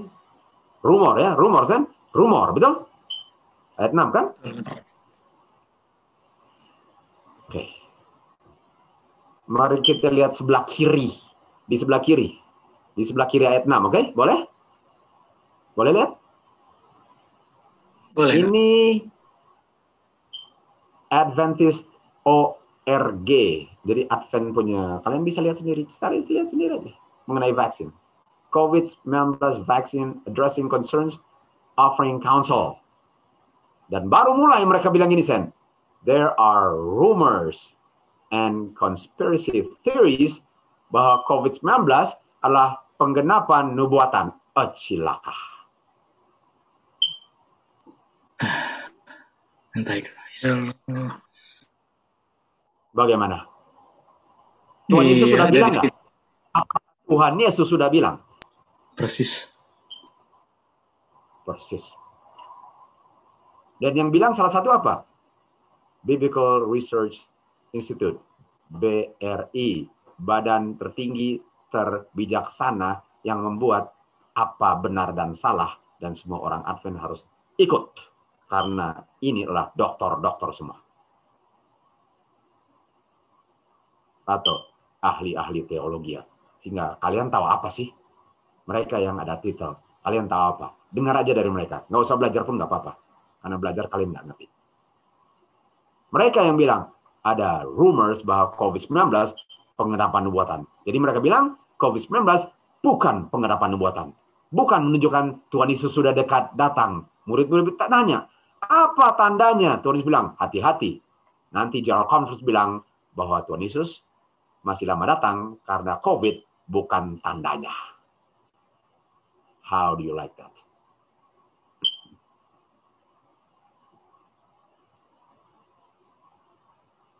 Boleh semua?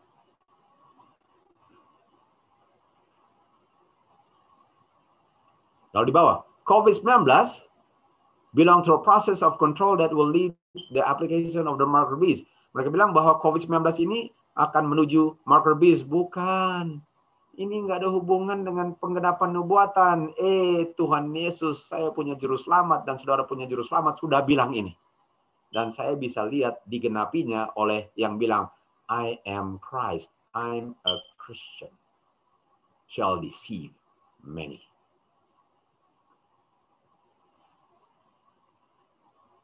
Boleh saudara-saudara? Dan dibilang apa? Ada wars and rumors of wars. Ada konspirasi, konspirasi perang. Apa? Karena orang-orang yang mengabarkan dan berani kabarkan bilang ini, ini umat Tuhan akan dianiaya. Dari COVID, umat Tuhan akan dianiaya. Wahyu 12:17. The dragon marah dan went to make war with the remnant. Gimana Alwi?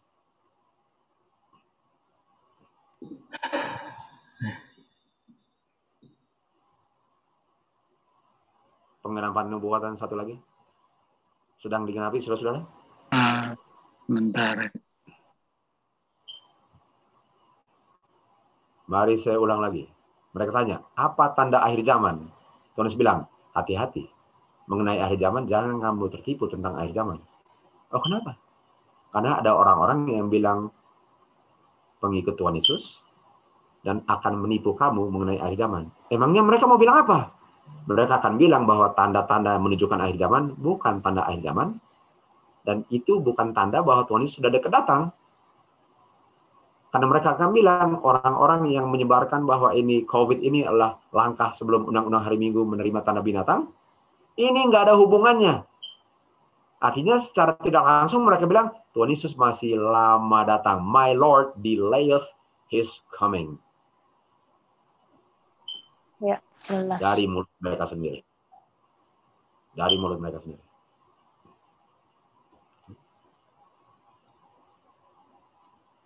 Apakah pengenapan nubuatan guys? Uh. Boleh. Saudara-saudara, apakah saya di bagian mereka atau di bagian yang mereka akan lapor kepada pemerintahan dan dianiaya nanti? Saya di bagian yang mana? Dan kalau kita yang akan mengungkapkan tipuan ini bahwa ini adalah cara untuk mengundang-undangkan hari Minggu dan tidak mau tunduk kepada kuasa kegelapan yang memaksakan orang untuk tidak bisa mengabarkan Injil dengan taruh diaper di bukanya dan harus social distance. Ya. Kenapa mereka bilang ini bukan? Gampang jawabannya. Mereka nggak mau dianiaya. Mereka nggak mau kehilangan. Mereka punya sebagaimana orang-orang Farisi, mereka nggak mau kehilangan kedudukan mereka dan kehidupan kenyamanan mereka. Mereka nggak mau. Baca kerinduan segala zaman. Mereka nggak mau kehilangan mereka punya posisi yang nyaman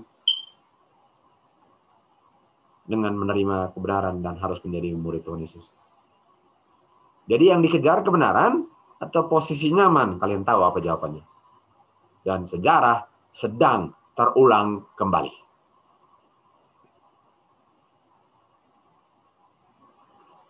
Setuju dan tidak setuju tidak membuat ini salah karena ini benar.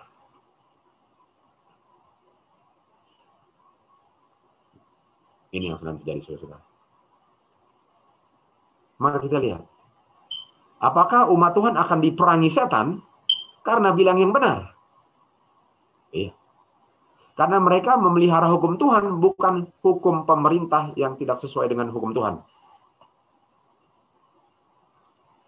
sama dengan Daniel, Sadak Wesaka Abednego, dan yang lain-lainnya. Jadi sekali lagi, pernyataan official daripada General Conference adalah ini nggak ada hubungan dengan nubuatan digenapi, ini bukan tanda nubuatan. Dan ini nggak akan membawa kita ke penerimaan tanda binatang. Nggak ada urusannya. Ini adalah rumor dan konspirasi. Tuhan bilang, saya sudah bilang sekarang apa yang belum terjadi. Sehingga waktu terjadi, praise the Lord, saya percayanya bukan main. Yohanes 14 ayat 29. Wahyu 16 ayat 14. Mereka adalah roh-roh iblis melakukan mujizat pergi ke raja-raja dunia dan seluruh dunia untuk mengumpulkan mereka ke pertempuran. Dan kita tahu pertempuran spiritual namanya apa? Armageddon. Armageddon. Dan ayat 15. Saya akan datang seperti, bukan sebagai, tetapi seperti pencuri. Diberkatilah dia yang watch. Watch apa, Alwin? Tanda-tandanya. Diberkatilah dia yang jag, berjaga-jaga melihat tandanya dan mengerti tandanya dan mengikuti instruksi setelah lihat tanda dan orang yang melihat tanda dan mengerti dan menurut akan menjaga jubahnya tak pernoda sehingga tidak akan kedapatan telanjang dan kelihatan malunya sesuai dengan Wahyu 16 ayat 15. Artinya orang-orang yang tidak lihat tanda akan kedapatan apa? Telanjang. Malu. Siapa yang pertama malu? Adam dan Hawa. Kenapa? Karena telanjang. Tuhan bilang, Adam di mana engkau? Oh kami di belakang belukar. Ngapain di situ? Ini si Hawa suruh saya makan buah yang Tuhan larang. Oh si setan yang suruh saya makan lagi malu, takut, dan telanjang, dan sembunyi, dan terpisah dari Tuhan. Yesaya 59 ayat 1 dan 2. Dosa memisahkan kita dari Tuhan. Orang yang telanjang adalah orang yang berdosa. Orang yang pakai jubah adalah orang yang tidak berdosa.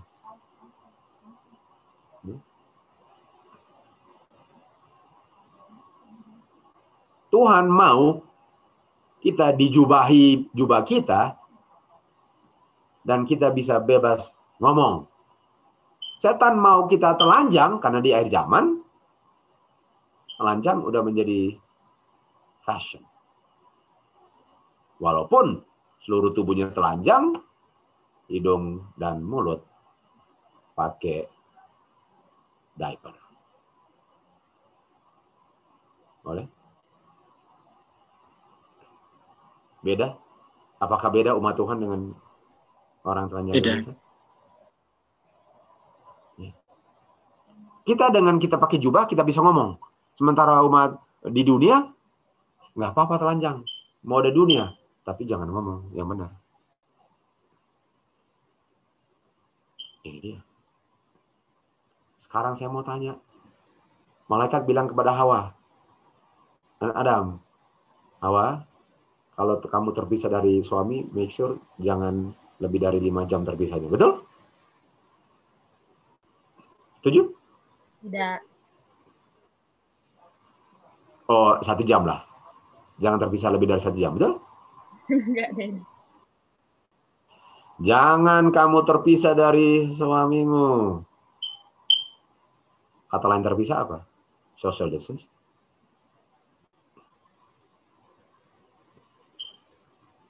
Ya. Hmm. Dan apa yang terjadi dengan social distance? Dosa. Habis itu kedapatan telanjang. Diberkatilah orang yang lihat tandanya sehingga dia nggak akan kedapatan telanjang seperti Hawa di Taman Eden. Karena tidak turut social distance, tidak terpisah dari Tuhan.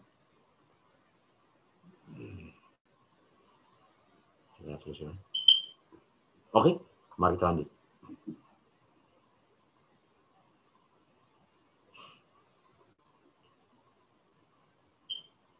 Gambar berikut. Bukankah sebelum mereka telanjang ini yang terjadi di sebelah kiri? Betul? Setuju? Belum kelihatan. Apakah sebelum, apakah sebelum telanjang mereka si Hawa berhadapan dengan ular? Dan apakah ular mau suntik dia punya venom, poison, virus, corona, COVID, 19. Jadi kalau saya disuntik dengan COVID, artinya saya nggak tahu bahwa ini pengenapan nubuatan. Dan orang yang nggak berjaga-jaga dengan mengerti pengenapan nubuatan, kedapatan apa sebelah kanan? Telanjang.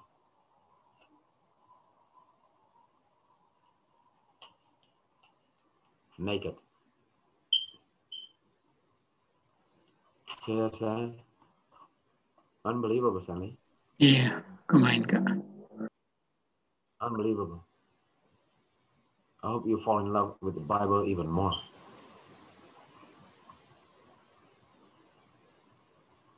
Mudah-mudahan kalian lebih jatuh cinta dengan firman Tuhan. Tujuan saya adalah untuk kalian lebih menghargai dan menyintai firman Tuhan sebagai satu-satunya jalan keluar dari bumi yang penuh dengan kejahatan ini.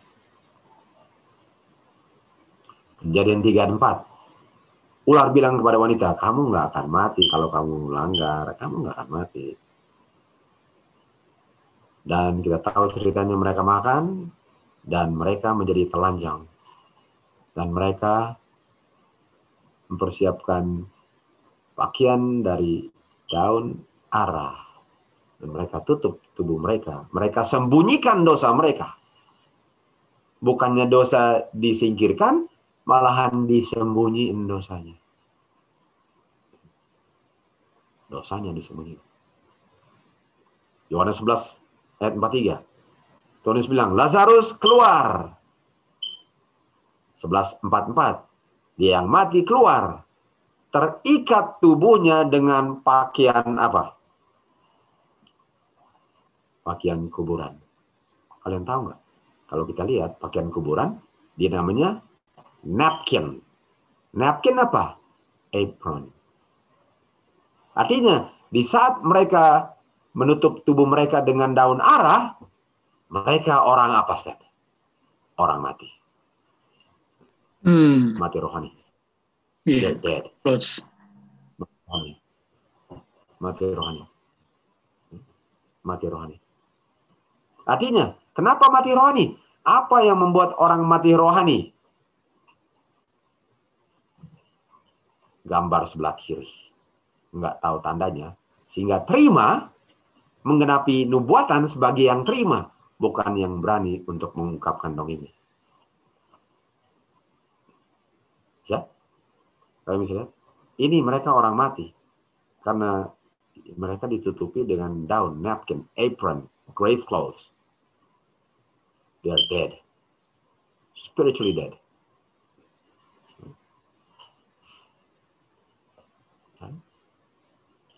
Oke. Mari kita lihat kata beguile. Beguile itu ialah untuk menarik perhatian dengan sesuatu yang sangat menarik sekali atau dengan magic.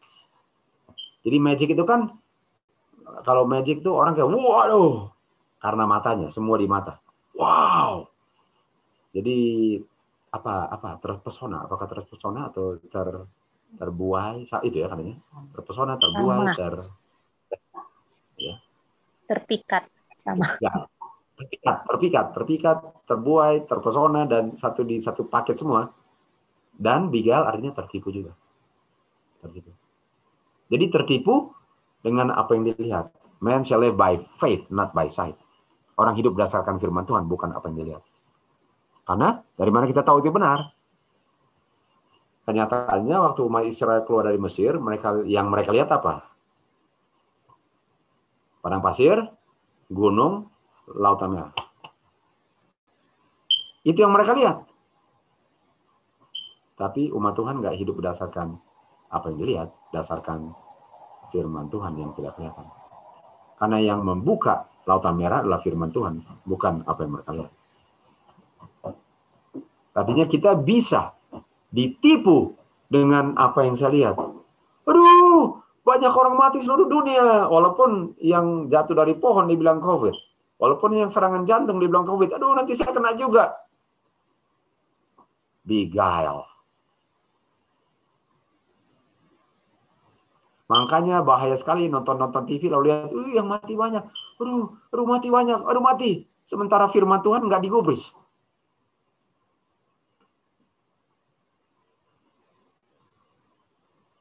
Firman Tuhan kumpul debu. Sementara ketakutan dengan apa yang saya lihat. Itu fungsinya setan. Setan mau kasih lihat, lihat buahnya, lihat. Mengkilat, lihat bagus buahnya. Lihat ini. Hmm, saya makan sih. Saya nggak mati kok. Hmm, kelihatan kan? Harusnya no no. Biarpun saya lihat itu, Tuhan bilang enggak. Walaupun kelihatan enak, Tuhan bilang enggak. Saya hidup berdasarkan firman Tuhan, bukan apa yang kelihatan enggak. Itu namanya firman. Itu namanya umat Tuhan. Itu namanya umat Tuhan. Ru enak, oh ambil aja. Tuhan bilang pusing amat dan nanti urusan belakang itu umat Tuhan enak sana habis. Nanti gimana? Nanti nggak bisa kerja saya, nggak bisa kerja. Nanti nggak bisa travel lagi, nggak bisa naik kapal terbang. Apa yang saya lihat sedang beguile saya. Sementara saya peduli amat dengan firman Tuhan, nanti urusan belakang. Urusan belakang itu. Nanti kalau sudah saya visit, udah naik kapal terbang, ada ada waktu, baru saya bicara firman Tuhan. Sekarang yang penting naik kapal terbang dulu, suntik dulu beguile. What happened with God's people in the last days? Whatever happened? Apa yang terjadi dengan umat Tuhan? Apa yang terjadi dengan firman Tuhan? Tapi ini sudah dibuatkan sehingga saya nggak heran. Tapi kita masih ada waktu untuk sungguh-sungguh dan jangan main-main lagi. Masih ada waktu. Sebelum terlambat saudara. Beguile. Itu artinya beguile. Kita ke Patriarchs and Prophets 685 paragraf 2 spiritisme modern sama dengan witchcraft. Kalian pernah dengar kata witchcraft? Pernah. Kata lain witchcraft apa? Farmakia. Magic. Betul? Artinya kata lain magic, witchcraft, sorcery, farmakia sekarang satu kosakata. Spiritisme. Satu pagar semua. Spiritisme sama dengan witchcraft. Semua berkomunikasi dengan orang mati. Emangnya Hawa berkomunikasi dengan orang mati? Bukan begitu cara mengerti. Dia waktu dibilang kamu nggak akan mati, waktu dibilang kamu akan mati, sebenarnya yang dibilang adalah apa? Tubuh kamu mati tapi roh kamu melayang-layang. Itu artinya spiritisme. Spiritisme, witchcraft, magic itu satu paket. Ngomong sama orang mati Oh tadi dia datang di ujung tempat tidur saya dia ngomong sama saya, siapa kamu? Saya punya suami. Dia bilang dia sudah di tempat yang lebih baik. Kapan saya mau bergabung dengan dia? Kalau kapan artinya harus bunuh diri kalau mau cepat-cepat, betul? Itu namanya spiritisme, witchcraft, magic, necromancy. Di zaman perjanjian lama orang yang percaya itu dilempari batu. Dibunuh. Berkomunikasi dengan setan tapi setan sedang mengelabui mereka dengan menunjukkan dirinya sebagai mereka punya suami atau istri, anak, orang tua, atau teman yang baru pergi. Walaupun tubuhnya dikubur, tapi rohnya melayang. Ini spiritisme. Makanya bilang, kamu nggak mati. Iya mati tubuh kamu, tapi roh kamu melayang-layang. Itu spiritisme. Sama dengan Saul, waktu berbicara dengan setan atau itu penenung di Endor dibicara kepada setan, lalu setan bilang dia apa? Samuel. Itu witchcraft magic dan bahasa akhirnya jam akhir zamannya apa? Farmasi.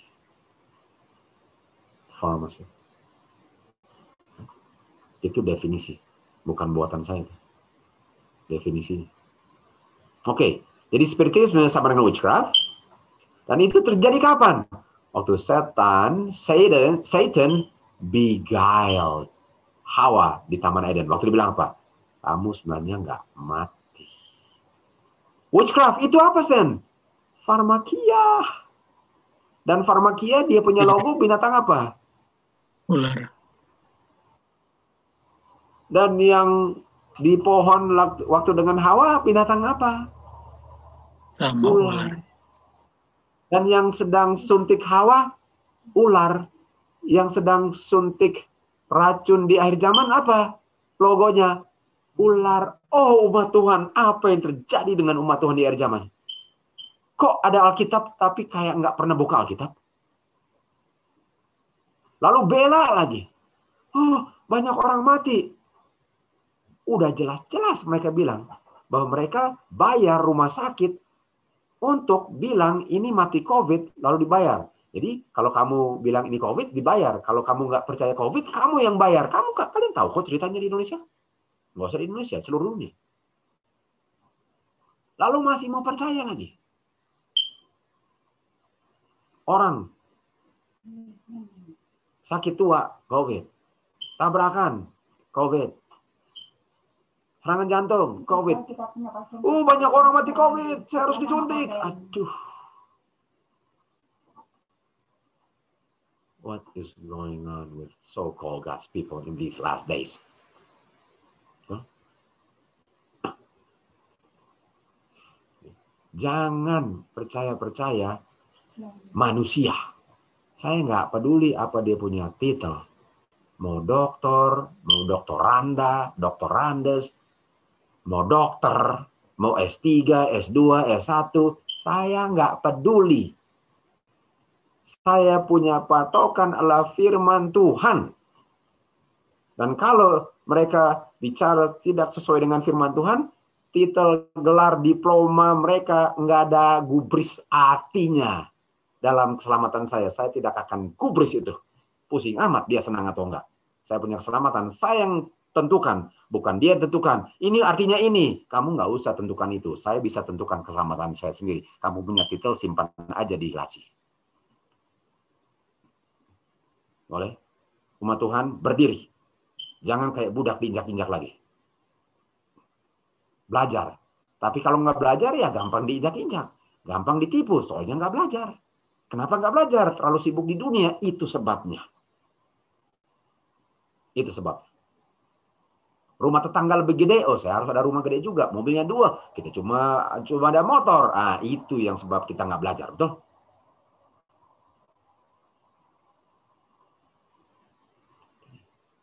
Itu itu setan sudah rencanakan dari dulu. Tuhan bilang di 1 Yohanes 2 ayat 15 16, jangan cinta dunia atau apa pun di dunia. Kalau kamu cinta dunia, kasih Bapa tidak ada dalam kamu. Cinta dunia, keangkuhan diri, keinginan daging, keinginan mata. Semua itu dari dunia, bukan dari Tuhan. Dan umat Tuhan sudah terbuai dengan semua godaan setan di para belantara.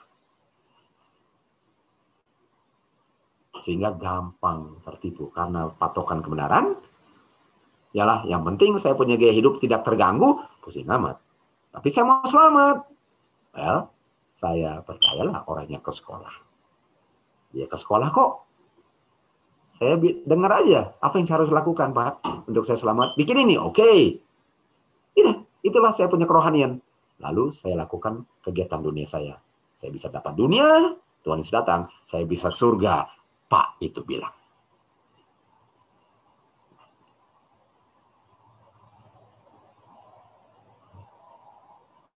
If this is what you want, you would like your life to be, go for it. Kalau kalian mau begini silahkan.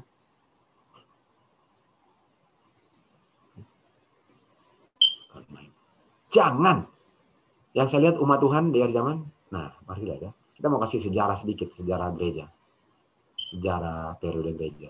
Kita tahu ada ada tujuh periode perjanjian baru. Okay. Pertama namanya okay. Pertama namanya kenapa tiba-tiba lupa namanya nomor pertama paling gampang ya. Efesus. Coba Efesus, aduh. Sorry. Efesus, Smyrna, Pergamos, Tiatira, Sardis, Philadelphia, dan Laodikia. Ada tujuh periode, bukan ada tujuh gereja, ada tujuh periode. Gereja Tuhan cuma satu, istri Tuhan cuma satu. Tuhan nggak poligami, nggak ada tujuh istri. Okay? Tapi satu gereja ini melewati tujuh periode. Saya kutip membuat. Dan kita tahu di periode Efesus, jubah putih, kuda putih, sesuai dengan Wahyu 6. Meterai putih, kuda putih, Efesus, mempertahankan keputihan. Dan karena putih, setan benci putih, dia aniaya. Smyrna, warna apa? Kuda Smyrna, Wahyu 6. Warna merah, penganiayaan, akhirnya dianiaya. Dan umat Tuhan capek dianiaya di Smyrna, merah. Habis itu masuk kuda hitam, Pergamos, kompromi. Iya. Banyak orang tumbang bukan di Smyrna, banyak orang tumbang di Pergamos. Karena waktu dianiaya, berani mati. Pas nggak ada penganiayaan, langsung le- eh, lesu. Loyo. Umat Tuhan lebih gigih dalam penganiayaan. Di saat nggak ada penganiayaan, sudah mulai sama dengan dunia. Guna penganiayaan untuk memurnikan dan mempertahankan kemurnian gereja. Gereja perlu dianiaya. Baca kemenangan akhir. Kalau nggak ada penganiayaan, Tuhan nggak pernah akan datang. Jadi, apa yang saya bikin? Orang yang sudah capek dianiaya, dimasuk Pergamos, dia bilang gini, kamu udah capek social distance ya? Capek. Nggak bisa ini, nggak bisa itu, tinggal di rumah, nggak bisa kerja, semua itu.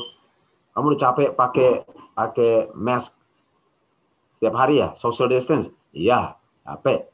Nggak bisa kumpul-kumpul di gereja lagi. Gereja itu tempat berbakti, bukan tem- tempat pertemuan, pertemuan teman ya. Dan gereja pun nggak ada hubungan dengan gedung. Saya mau ke gereja lagi supaya ketemu teman-teman. Saya nggak mau pakai mask lagi, capek, nggak bisa napas. Masa saya lebih banyak hirup CO2 daripada O2? Mati dong saya nanti CO2. Respiratory acidosis namanya. Dan saya udah capek dengan social distance. Dan karena udah capek dengan Smyrna, ini penganiayaan distance dan semua ini, dia bilang apa? Oke, di Pergamos, gulung tangan, kompromi supaya nggak perlu lewat social distance lagi. Sejarah terulang kembali sana. Boleh lihat saya? Jelas, jelas Kak. Jelas. Ini yang terjadi. Kalau saja umat Tuhan setia belajar Alkitab dan nggak bergantung keselamatannya dan instruksinya dari seorang yang karena kebetulan dia dari Amerika dan pernah kerja di General Conference. Pusing amat. Itu semua bukan patokan keselamatan saya. Saya nggak gubris itu. Sama sekali nggak ada artinya satu titik pun dalam keselamatan saya. Saya menghormati orang karena dia Tuhan mati di kayu salib dan Tuhan ciptakan manusia. Tapi dari pendapatnya 0%. 0%. Nol. Karena saya punya keselamatan, tanggung jawab saya. Saya tidak bisa invest ke orang hanya karena dia titelnya ada. Never.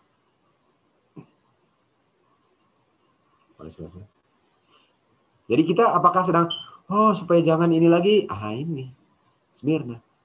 Eh, sorry, Pergamos. Dan setelah Pergamos apa? Tiatira. Apa Tiatira? Masa penganiayaan undang-undang hari Minggu di zaman kepausan.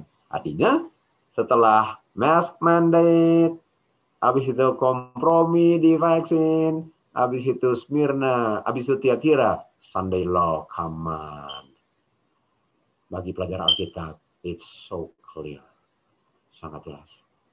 Hmm. It's so clear. Bukan main jelasnya. Lanjut.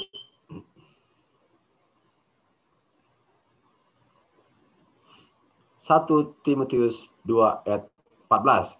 Wanita, kita tahu di Alkitab wanita melambangkan apa? Gereja, gereja yang ditipu. Nah, pertanyaan saya. Waktu Adam dan Hawa berada di Eden, yaitu di bumi ini, ada berapa wanita selain Hawa? Sebelum mereka berdosa. Ada berapa wanita? Satu. Nggak ada lain. Nggak ada yang lain. Artinya Iya. apakah Hawa satu-satunya wanita di bumi ini? Betul? Dan kalau wa- karena wanita, Efesus 5 ayat 23, wanita itu melambangkan gereja atau istri, the bride of Christ, artinya ada berapa gereja di dunia ini? Satu. Dan apakah semua gereja adalah Hawa? Lambang. Apakah semua gereja dilambangkan di Hawa? Semua gereja dunia. Apakah dilambangkan Hawa? Cuma satu. Betul. Ini dia. Artinya semua gereja tertipu. Walaupun gerejanya cuma satu. Tapi karena dia melambangkan semua, setan di Taman Eden berhasil untuk tipu semua gereja di dunia ini yang cuma ada satu. Boleh semua? Yes. Artinya, all churches deceive. All women, walaupun cuma satu woman. Deceive. Oke, artinya seluruh dunia tertipu dong. Jadi kalau bilang seluruh dunia, nggak bisa bilang seluruh dunia. Seluruh gereja tertipu. Karena yang tertipu Hawa, bukan Adam. Boleh? Oke. Mari kita lanjut. Kita punya Bible study. Or I should say Bible school. Kita lanjut ke berikut.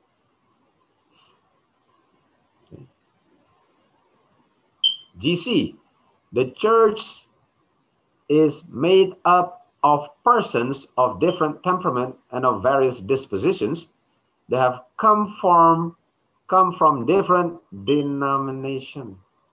Jadi gereja ini terdiri dari denomination yang menjadi satu gereja. Denomination. Nah, kata denomination adalah nation yang dinamain. Karena dinami artinya dinamakan, nominal. Nation, bangsa. Tapi kita tahu bahwa gereja adalah wanita. Artinya denomination apa? Wanita. Artinya waktu Hawa tertipu, semua denomination tertipu di dunia ini. Lalu kita lanjut. Ada berbagai macam various churches.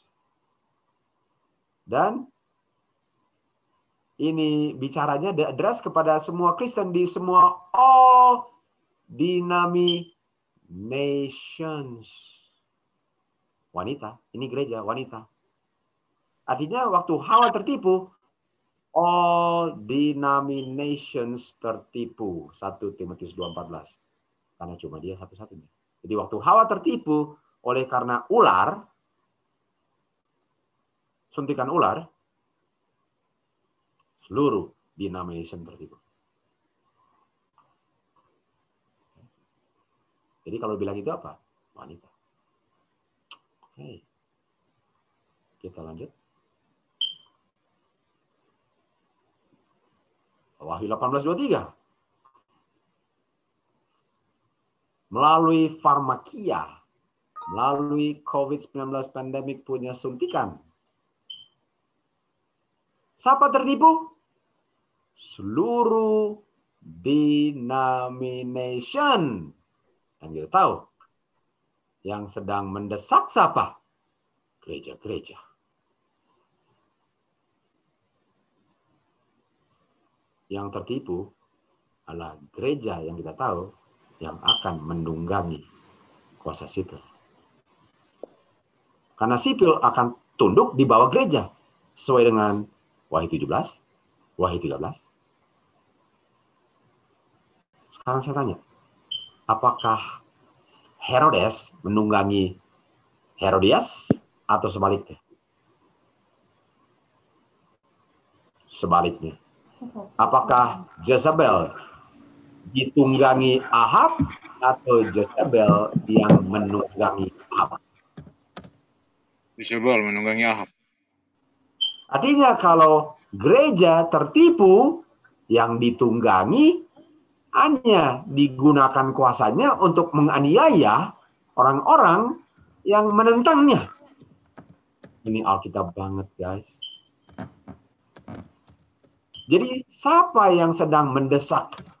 Siapa yang buka gerejanya? Siapa yang buka klinik sekarang? Gereja-gereja. Termasuk gereja Advent.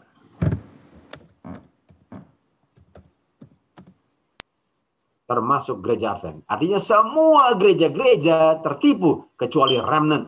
Kenapa remnant tidak tertipu? Karena remnant akan dimarahi oleh naga karena remnant tidak mau tunduk kepada kuasa penipuan ini. Wahyu 12 Hanya remnant yang tidak tertipu. Artinya kalau kita tahu yang benar dan kita berani kabarkan yang benar, kita nggak tertipu. Kita yang akan diperangi. Yang dibilang ada rumor dan konspirasi perang. No, it's real. Benar itu. Kita akan diperangi naga. Tapi naga punya kepala akan dirumukan oleh Roma 16.20. Kaki gereja. Sesuai dengan kejadian 3.15. Janji Tuhan di Taman Eden. Kepada Hawa dan keturunannya. Saudara-saudara bisa lihat. Kita perlu belajar Alkitab. Bukan cuma baca-baca sekali-sekali. Ini yang terjadi, saudara. Jadi dengan farmakia, dengan suntikan ini, all nations, all denominations sedang tertipu. Sedang tertipu semua. Dan Tuhan Yesus bilang apa? Apa akhir tanda akhir zaman? Apa tanda akhir zaman? Yesus bilang apa? Akan ada orang yang tipu kamu. Dan yang tipu gereja. Dan mereka bilang bukan, ini bukan tandanya. Dan kalau bukan tandanya, terima aja, nggak apa-apa. Cepet-cepet terima, jangan lama-lama. Udah pernah dengar? Cepet terima. Saya mau anjurkan saudara-saudara. Kalau ada yang bilang, cepat terima. Saudara begini. Saudara yang bilang cepat terima, walaupun udah banyak orang mati. Banyak orang kejang, banyak orang lumpuh. Dan banyak itu bukan yang disembunyikan jumlahnya. Ini yang gampang dilihat, apalagi yang disembunyikan. Saudara bilang cepat-cepat dapat. Saya mau tanya. Kalau terjadi sesuatu kepada saya, apakah saudara mau bertanggung jawab secara moral dan secara ekonomi dan akan merawat saya dengan uang saudara, dengan saya punya penderitaan, dan kalau mati pun saudara akan bertanggung jawab kalau terjadi sesuatu kepada saya. Dan kalau saudara mau tanda tangan itu, bahwa saudara jamin nggak akan terjadi apa-apa, saya terima. Tapi kalau tidak, jangan ngomong-ngomong, karena ngomong itu nggak ada maknanya. Berani bilang gitu? Bilang. Jangan jadi budak. Jangan, oh iya dia bilang ambil. Dia bilang ambil. Dia bilang, saya ambil, saya nggak mati. Bagaimana dengan orang yang mati itu? Kalau saya mati bagaimana? Saudara mau membiayai kehidupan keluarga saya, anak saya sampai Tuhan Yesus datang? Siap? Dan bertanggung jawab kepada Tuhan bahwa saudara sudah bohong kepada saya? Mau? Saudara berani? Saudara bisa lihat, bisa bilang apa isinya. Kasih tunjuk. Kasih tunjuk apa isinya. Apa isinya? Saudara tahu apa isinya? Untuk anjurkan saya ambil, tahu apa isinya? Kalau saudara berani, tanda tangan. Nanti saya ambil. Pasti dia nggak akan ambil. Coba. Jangan diperbudak, saudara-saudara. Ini tipuan. Sekali lagi, jangan percaya siapa pun. Belajar firman Tuhan. Baca. Pakai lutut. Bergumul Tuhan, tunjukkan. Saya sudah sia-sia. Kehidupan saya saya sudah gunakan hanya untuk memuaskan kebutuhan dunia ini. Gunakan saya sebagaimana Tuhan masih bisa gunakan saya. Ampuni dosa saya karena tidak percaya Tuhan. Kalau sudah saya diterima juga, saya sudah disuntik. Minta ampun kepada Tuhan. Tuhan bisa kok tolong. Yang penting kita selamat. Walaupun mati pun yang penting selamat. Boleh? Bilang. Jangan saya seenaknya. Dia gunakan otoritas titelnya lalu bilang, ayo terima. Eh, enak aja kamu bilang terima. Kamu bisa nggak bertanggung jawab? Lalu lihat, apakah cuma ngomong doang deh. Pasti cuma ngomong doang. Sedangkan perusahaan farmasi nggak mau bertanggung jawab kalau saudara mati, lumpuh, dan sakit. Mereka nggak bertanggung jawab. Kalau dan dilindungi hukum. Mereka dilindungi hukum sehingga kita nggak bisa bawa ke pengadilan. Kalau terjadi sesuatu, apalagi mereka sudah bilang ini percobaan. Artinya kalian kelinci percobaan. Mau? Kalau mati, well, nanti saya bilang ini mati. Jadi mau? Dan orang-orang ini bilang ambil, padahal ini percobaan. Ambil sebagai apa? Sebagai kelinci percobaan. Ini bukan rahasia. badan FDA tidak menyetujuinya, tidak tidak approve dan hanya bisa digunakan dalam darurat dan ini pun percobaan. Dan waktu dicoba binatangnya mati. Nggak pernah dicoba di manusia, binatang mati. Dan waktu binatang mati, ibu ibu mau dicoba apakah ibu mati atau enggak? Kira-kira saudara-saudara mau kalau masih waras?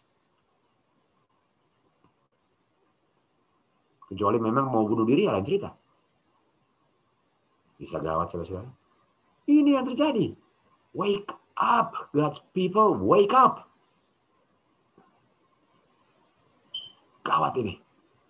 Sedang krisis, semua Tuhan hanya pikir bagaimana bisa naik kapal terbang lagi. Travel. Bukan main. Mari kita lihat ini. Bisa lihat berikutnya, Sen? Siapa yang di tengah? Siapa gambar di Belum. tengah? Siapa namanya? Fauci Auci? Belum muncul. belum. Boleh?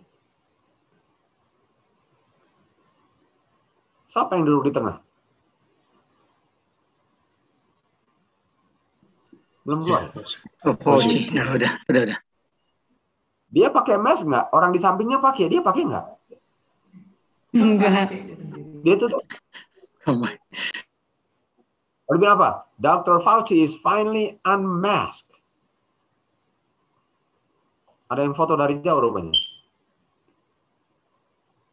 Unmasked. Mari kita baca sebelah kanan. Di setiap generasi Tuhan mengirim pekabar-pekabarnya untuk menegur dosa di dunia dan di gereja. Artinya gereja penuh dengan dosa dong kalau ditegur. Dosa-dosa Babylon, gereja dan dunia akan dibuka semua. Bagaimana gereja kerjasama dengan sipil, bagaimana spiritisme, spiritisme itu boleh dikatakan bencana alam buatan manusia, dan bagaimana kuasa kepausan yang di zaman dulu sudah lukanya sembuh kembali. Semua akan di apa, Stan? Alwin, semua akan di apa? Unmask. Unmask. Akan dibuka diaper wajahnya. Popok wajahnya. Popok itu bukan ditaruh di wajah, taruh di tempat celana, bukan di wajah popok. Tuhan ciptakan kita punya mulut dan hidung untuk bernapas. Setan bilang, kamu boleh nggak? Jangan bernapas, lalu hirup kamu punya CO2, supaya kamu bisa diracuni dengan kamu punya CO2 sendiri. CO2 itu kasih keluar, karena dia racun, makanya dikeluarin. Tapi kalau pakai itu ya kembali lagi. Nggak apa-apa, kita turut aja supaya bisa bisa nggak dianiaya. Belum kalian tahu apa di dalam maskernya. Apa yang mereka taruh dalam maskernya. Kalau kalian tahu apa di situ, kalian nggak pernah pegang barang itu. Jadi Fauci unmasked. Jadi apakah dibilang di sini bahwa ada umat Tuhan di akhir zaman yang akan membongkar, membuka semua tipuan-tipuan yang sedang terjadi di dunia? Apakah itu dia? Ya. Dia. Dan pekabaran-pekabaran ini akan membangkitkan semua orang. Well, kalau kita pakai mask dan disuntik semua, siapa yang mau dibangunkan kalau kita sama-sama takut seperti mereka? Ribuan orang akan dengar yang nggak pernah dengar perkataan seperti ini. Dengan terkejut mereka dengar bahwa apa? Mereka terkejut bahwa Babylon itu sebenarnya apa? Gereja. Gereja. Hmm. Really? Babylon gereja? Tunggu. Sorcery ini by die. Die sorcery apa die? Babylon. Dengan Babylon punya farmakia. Artinya, waktu bilang Babylon gereja, artinya yang tipu dengan farmakia siapa? Gereja. Kalian punya gereja lah yang tipu kalian untuk terima suntikan ini.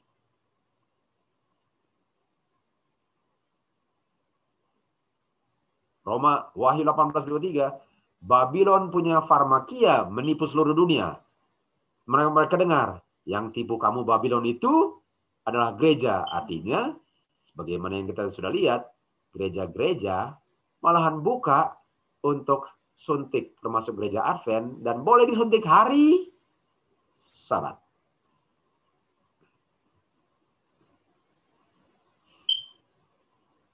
Boleh guys. Kalian tahu nggak bahwa yang saya sedang baca, sementara saya baca sedang digenapi.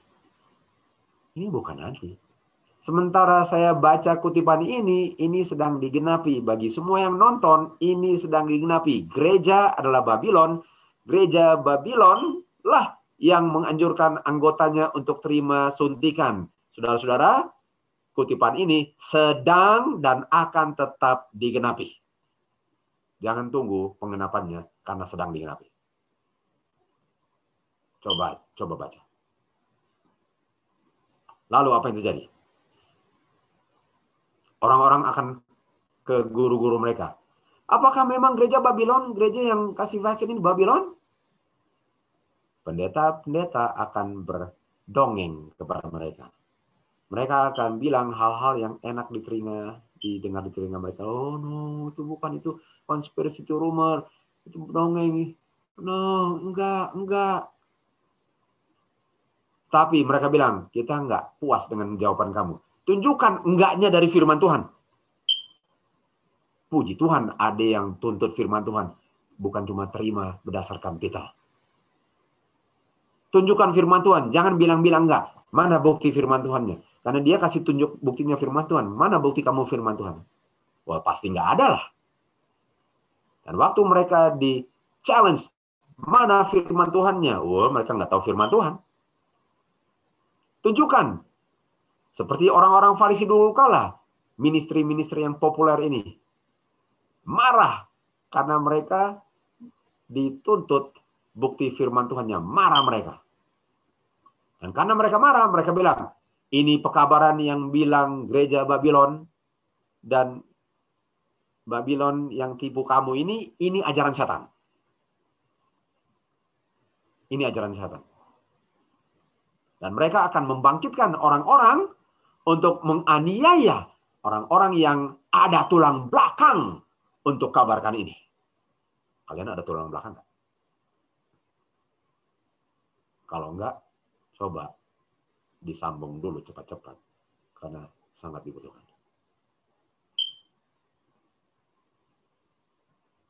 Jangan cuma, oh nggak ada virus, nggak ada ini, ini nggak ada. Sementara sudah mulai aniaya masih pusing-pusing hal yang nggak penting banget. Oh ini bukan, ini bukan. Kalian bilang bukan supaya masih bisa nikmati hidup, itu sebabnya bukan. Jujur aja. Kalian bisa lihat. Apakah Tuhan Yesus bilang, saya sudah bilang sebelum terjadi, supaya waktu terjadi, kalian percaya. Nggak bisa saya tahu ini pengenapan nubuatan kalau saya nggak pernah tahu apa yang Tuhan bilang. Sehingga saya nggak pernah percaya, tidak memenuhi syarat kejadian Yohanes 3 ayat 16. Barat siapa percaya tidak binasa tetapi oleh kehidupan yang tanda ah, tidak ada ujungnya kehidupan kekal. Saudara, perlu belajar Alkitab. Kalian tahu kan? Akronim daripada BIBLE. Gue tahu banyak tahu. Saya mau bilang BIBLE. Basic Instruction Before Leaving Earth. Instruksi yang dasar sebelum tinggalkan bumi ini naik di awan-awan. BIBLE. Kalau rencana tinggalkan bumi ini, baca instruksinya di BIBLE.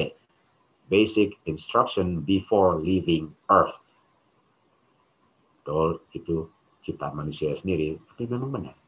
Walaupun bukan itu artinya. Jadi jangan cuma dengar-dengar, waduh air zaman, air zaman, tapi nggak bikin apa-apa. Tuhan butuhkan pekabar-pekabar karena gandumnya sudah kuning, lalu yang mau panen sedikit. Kalian nyanyi lagu itu dengan merdu kok. Coba buktikan kebenarannya dengan melakukannya. Belajar. Mereka akan bilang ini ajaran setan. Dan akan mengolok-olok dan menganiaya saudara dan saya yang nggak takut untuk bilang yang benar. Boleh? Am I gonna see you in the battleground or at home? Saya mau lihat kalian di medan pertempuran atau tinggal di belakang jendela? Rumah. Penuh dengan kenyamanan. Jangan takut. Fear God. Don't fear man.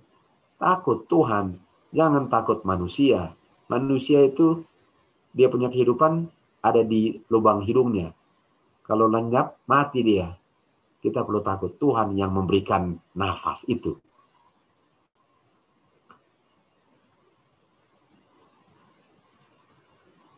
Quarantine. Karantina. Karantina untuk COVID-19. Kehidupan Yohanes tidak terdiri dari diam-diam dan isolasi. Oh. Yohanes Pembaptis nggak tinggal di goa terus. Dia kabarkan Injil, bukan cuma karantina terus. Dia ketemu dengan orang, dia bicara, dia memperhatikan apa yang terjadi di dunia. Dari tempat kediamannya dia melihat penggenapan nubuatan. Dia mempelajari karakter manusia agar dia tahu bagaimana untuk menjangkau mereka dengan pekabaran dari surga. Dia sibuk merencanakan bagaimana dia kabarkan Injil, bukan sibuk dalam kegiatan Hmm. dunia. Itu Yohanes Pembaptis. Dia mempersiapkan kedatangan Tuhan Yesus pertama. Bagaimana dengan yang kedua? Karantin itu bisa enggak mengulang pekerjaan Yohanes Pembaptis kalau kita di karantina, guys? Social distance bisa? Enggak, menghambat. Menghambat. Slow the spread of the gospel. Maksudnya? Iya, betul sekali. Mari kita lihat sini. Sebagai Yohanes, Yohanes dia mempersiapkan kedatangan Yesus pertama. Yohanes melambangkan orang-orang yang mempersiapkan diri mempersiapkan kedatangan Tuhan Yesus kedua kali. Jadi Yohanes dia nggak karantina. Maksudnya nggak social distance. Sementara kita, sementara Tuhan mau datang, kita disuruh apa? Karantina. Bangkit berdiri. Jangan izinkan gospel ini tidak dikabarkan. Bangkit berdiri, saudara-saudara. Kehilangan nyawa untuk kebenaran adalah kemuliaan di mata Tuhan.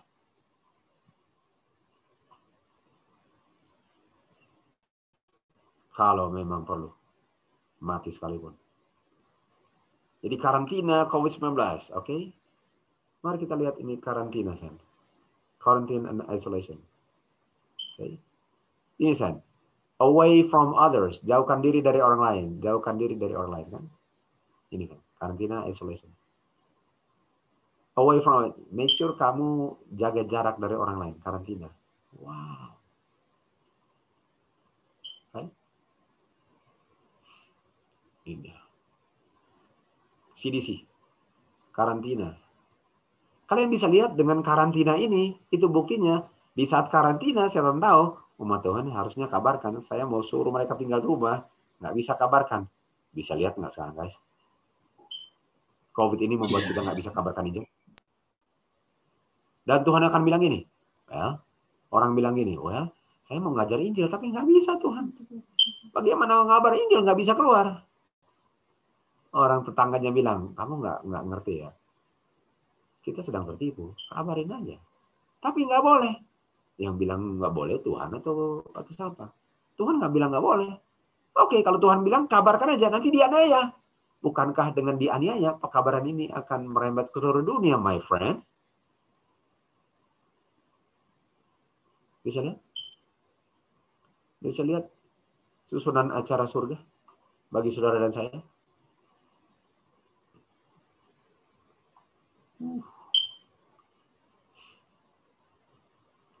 Lanjut, karantina. Away from others, eh? Away, away, away.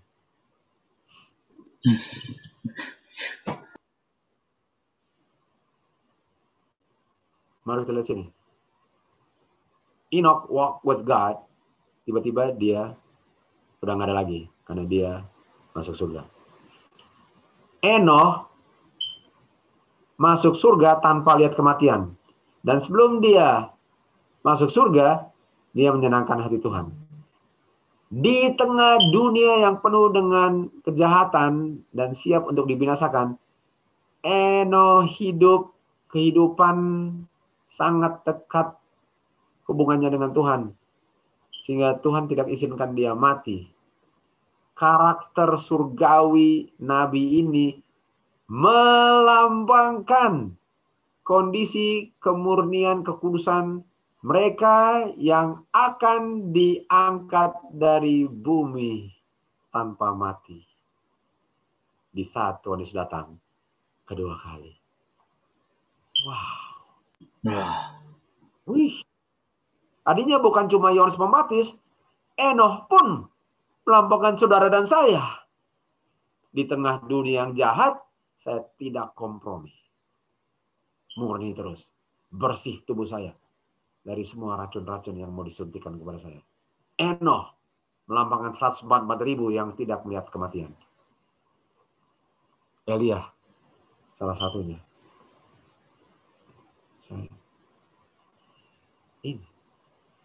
Uh, karma guys. Ini kita punya cerita-cerita dari kecil. Kita punya sahabat sekolah ini. Nampaknya begini ceritanya ya. Terus Tetapi seperti Enoch, umat Tuhan akan mencari kemurnian hati dan menyesuaikan diri dengan kehendak Tuhan sampai mereka memantulkan karakter Kristus. Seperti Enoch, mereka akan memberi amaran kepada dunia akan kedatangan Tuhan Yesus dan penghakiman yang akan diterima orang orang yang melanggar hukum. Kalau Enoch melambangkan orang-orang yang hidup di akhir zaman, Enoch memberi amaran bahwa Tuhan Yesus sudah mau datang. Oke, pertanyaan saya. Bukankah itu yang kita harus lakukan sekarang? Tapi bagaimana melakukan? Kalau saya nggak tahu Tuhan Yesus mau datang, dan kalau saya kompromi dengan disuntik, bagaimana mau jadi seperti Enoch? No. Dan kalau sudah terlambat, kalau sudah disuntik, baru tobat, lari ke Tuhan.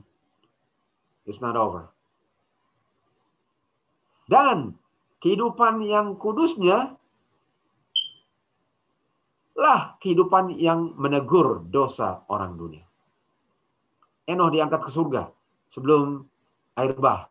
Demikian juga orang-orang yang benar akan diangkat ke surga sebelum dibakar bumi ini dengan api. Wah, Biasanya. Iya. Uh.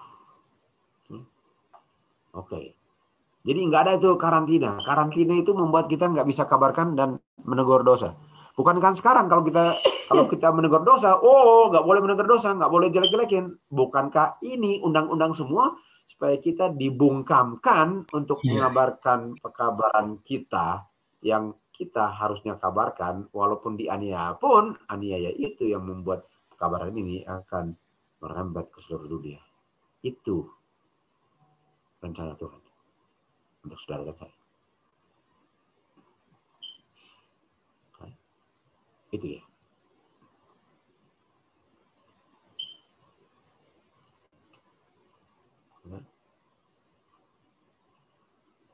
Oke, kita sudah memasuki kita sudah memasuki eh, setengah jam terakhir. Kita break dulu, habis itu kita bagian terakhir, oke? Kita break dulu. Lalu kita kembali lagi, oke? Oke.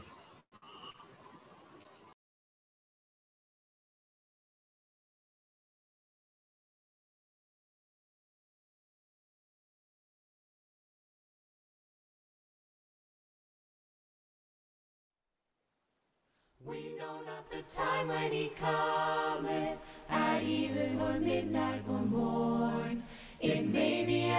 at twilight, it may be at earliest dawn. He bids us to watch and be ready, nor suffer our lights to grow dim. that when he shall come, he may find us all waiting and watching for him. Waiting and watching, yes, waiting for thee. Waiting and watching, yes, waiting for thee. Waiting and watching, yes, watching. Still waiting and watching for thee. I think of his wonderful pity, the price our salvation hath cost. He left the bright mansions of glory to suffer and die for the lost. And sometimes I think it will please him when those whom he died rejoice in the hope of his coming by waiting and watching for him. Waiting and watching, yes, waiting for thee. Waiting and watching, yes, waiting for thee. Waiting and watching, yes, watching. Still waiting and watching for thee. Oh Jesus, my loving Redeemer, knowest I cherish as dear the hope that mine I shall behold thee, that I shall thine own welcome hear. If to some as judge thou appearest, who forth from thy presence would flee, a friend most beloved, I'll greet thee. I'm waiting and watching for thee. Waiting and watching, yes, waiting for thee. Waiting watching, yes, waiting for thee. Waiting and watching, yes, watching. Still waiting and watching for thee. We're waiting and watching for thee. Oke, ya kembali. Banyak yang harus kita pelajari saudara-saudara, banyak sekali. Dengan belajar tak Banyak henti-hentinya, nama ya. Hanya saya sadar bahwa lebih banyak lagi yang saya harus pelajari. Dulu saya lihat orang belajar, saya bilang apa sih yang dipelajari? Kok bisa belajar melulu sih? Apa sih yang dipelajari? Bonus datang, kita bertobat, udah mau belajar apa lagi? Dulu, pas mulai belajar baru saya ngerti bahwa kita akan belajar selama-lamanya di surga pun akan belajar terus. Jadi kita perlu belajar. saudara. Sekali lagi hal-hal dunia inilah yang membuat kita nggak ada waktu untuk belajar karena kita kejar kita kejar hal-hal dunia. Padahal Tuhan bilang bukan itu yang paling penting. Waktu Tuhan Yesus digoda, dia bilang manusia bukan hidup dari roti saja, walaupun manusia harus makan roti, tapi dari setiap firman Tuhan itu yang lebih penting. Lebih baik mati, mati kelaparan dalam penurutan daripada perut kenyang dalam pelanggaran. Itu yang kita harus tahu betapa pentingnya hidup berdasarkan firman Tuhan. Matius 4 ayat 4. Kita lanjut.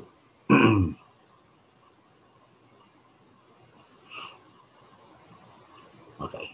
Jadi sudah dibilang kita harus apa?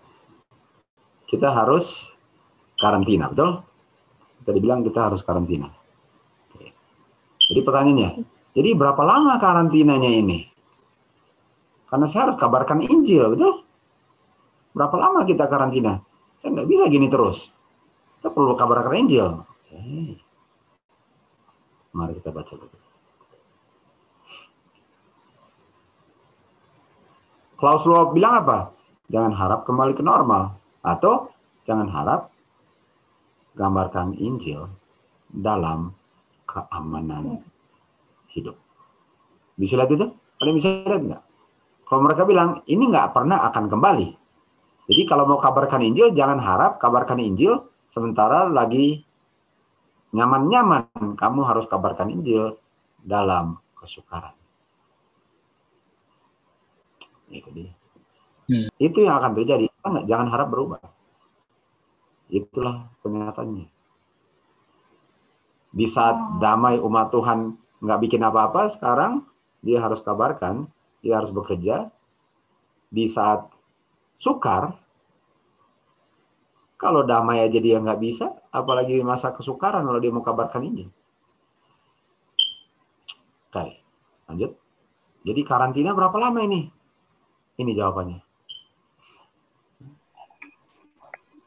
Karantina saja tidak bisa mengurangi COVID-19. Apa yang dibilang? Karantina nggak cukup. Kalau cukup artinya tetap apa? Karantina. Jadi pertanyaannya, berapa lama karantina?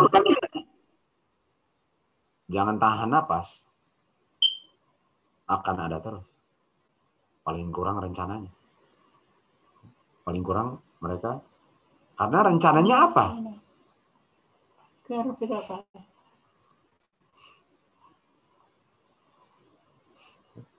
Jadi jangan dia mereka bilang karantina nggak cukup.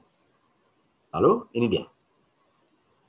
Bagaimana kalau saya sudah disuntik dan ini dia. Disuntik Tujuan suntik ialah effort around the world aim to curb COVID-19 pandemic. Artinya tujuan suntikan untuk curb. Curb itu artinya untuk membatasi atau mengurangi. Jadi karantina enggak, oke, okay. kalau gitu disuntik. Okay.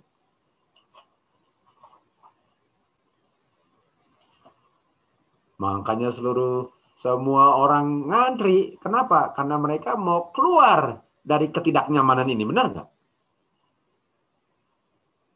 Mereka udah capek. Ayo, disuntik aja walaupun saya nggak tahu apa isinya pusing amat. Yang penting kita nggak usah social distance lagi, pakai mask lagi, pusing amat. Kalau orang mati, orang lain mati ya dia yang mati, saya nggak kan. Kalau orang lain lumpuh ya, wah sangat disayangkan. Memang sedih sih, paling kurang saya nggak. Apakah itu sikap orang yang mau kabarkan Injil? Jadi semua ngantri. Kenapa? Karena semua udah capek dengan ini social distance penganiayaan Smyrna itu capek. Padahal penganiayaan tambah lama tambah apa? Tambah parah. Sudah lihat semua ngantri untuk ini? Lihat ini. Semua ngantri kepada penyakit yang tidak ada, semua ngantri kepada suntikan yang nggak tahu apa sihnya, semua ngantri untuk dikasih masuk chip, semua ngantri, semua tertipu. Padahal harus kabarkan Injil. Kalaupun peduli untuk kabarkan. Kalau Tom pun tahu apa Injil itu. Memang benar-benar seluruh dunia tertipu. Sekarang pertanyaannya, oke, okay, saya sudah mas, saya sudah pakai vaksin, oke, okay? saya sudah pakai mask, sudah kuat karantina, social distance, sudah divaksin. Sekarang saya tanya, apakah kalau sudah disuntik masih pakai mask? Jawabannya iya. Mana saya? Saya sudah disuntik. Uh, sorry, pasti harus pakai. Ada varian baru lagi, Delta. Oh iya, Delta. Oh, sekarang ada lambda lebih parah lagi. Oh, oke, okay. masih harus pakai. Sudah bisa lihat tipuannya, guys. Pernah Kalian bisa lihat tipuannya? Kalian bisa yeah. Alkitab sudah bilang, Alkitab sudah bilang, ngapain mau bingung-bingung? Yang bingung nggak baca Alkitab itu sebabnya. Ini hasilnya kalau nggak baca Alkitab lagi. Dan kalau baca pun nggak ngerti.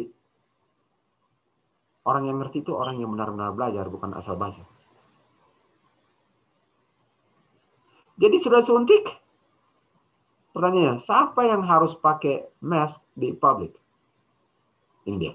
Semua nggak dikonsider benar-benar sudah disuntik dan tetap harus pakai mask di publik. Termasuk di luar tempat yang banyak orang dan konser dan tempat olahraga Artinya, siapa yang harus pakai mask? Kalau belum disuntik.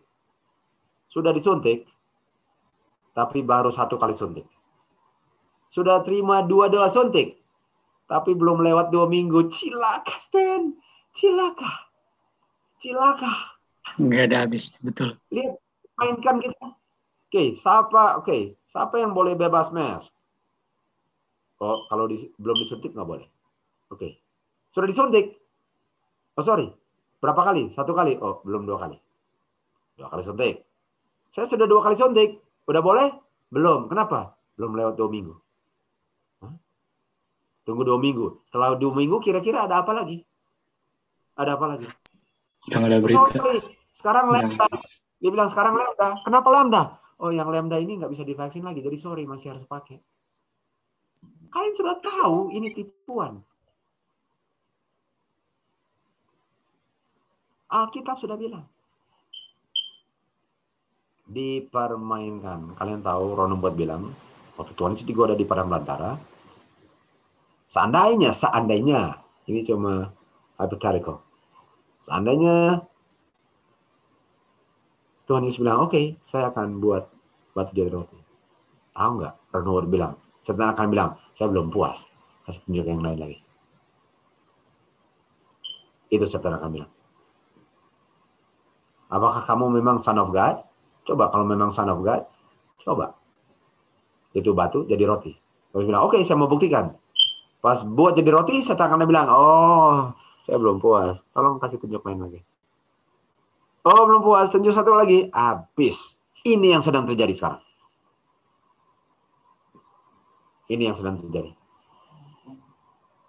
Di mana ujungnya? Kalian tahu nggak?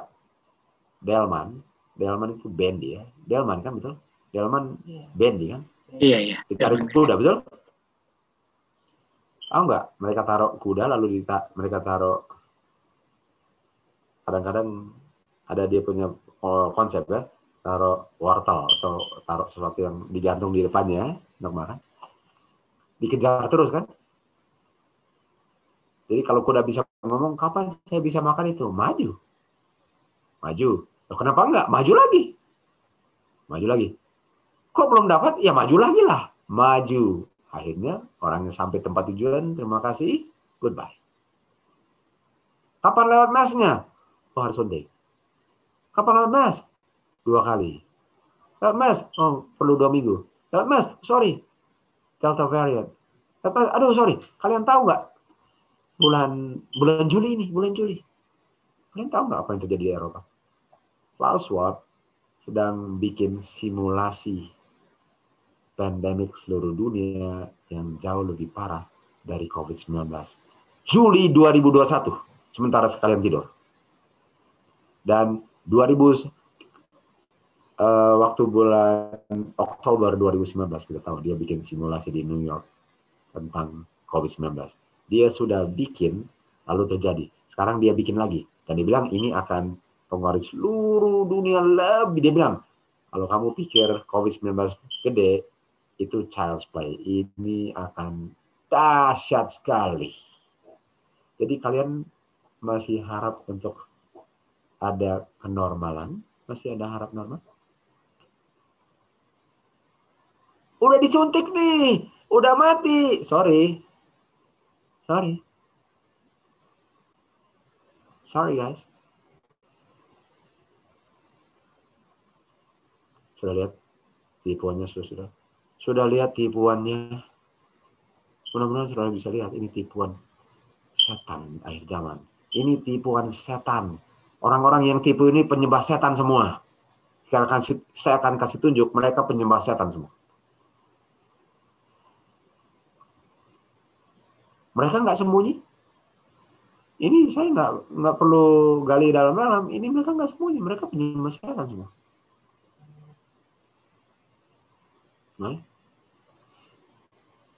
Jadi kita tunduk kepada yang sembah setan.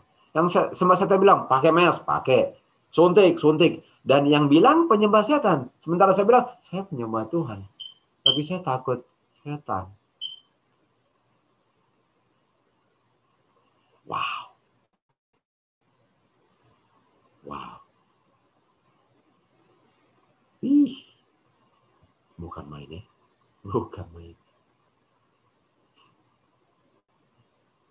Jadi, belum disuntik, sudah tapi satu, sudah dua tapi belum dua minggu. Setelah dua minggu apa?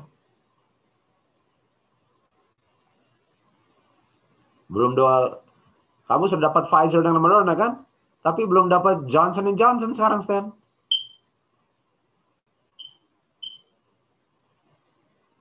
Oh, Kalau bilang, kalau sudah divaksin, dia bilang, kalau sudah divaksin nggak perlu pakai mask lagi. Tapi ini dan apa ini? Nggak benar. Karena habis itu keluar delta, lalu lambda, lalu omega, lalu alpha, whatever. Lihat. Tuhan Yesus bilang tambah tambah membaik atau tambah parah? Nggak usah Tuhan Yesus bilang. Klaus Schwab bilang, never. Lalu sekarang apa? Lalu sekarang ini. Sekarang kamu bisa dapat paspor. Kamu bisa dapat paspor. Oh mantap, saya sudah dapat paspor. Iya, hanya untuk enam bulan. Habis itu harus diperpanjang. Artinya apa? Suntik lagi. Karena pasportnya hanya bagus untuk berapa bulan? Enam bulan. Ataupun berapa bulan sesuai dengan negara masing-masing. Artinya apakah ada ujung baiknya ini? Ada ujung baiknya? Enggak. Ujung baiknya waktu Yesus datang, itu ujung baiknya. Selain itu enggak ada baiknya. Kecuali kita kabarkan Injil dan dianiaya dan hidup untuk memuliakan Tuhan. Itu baiknya.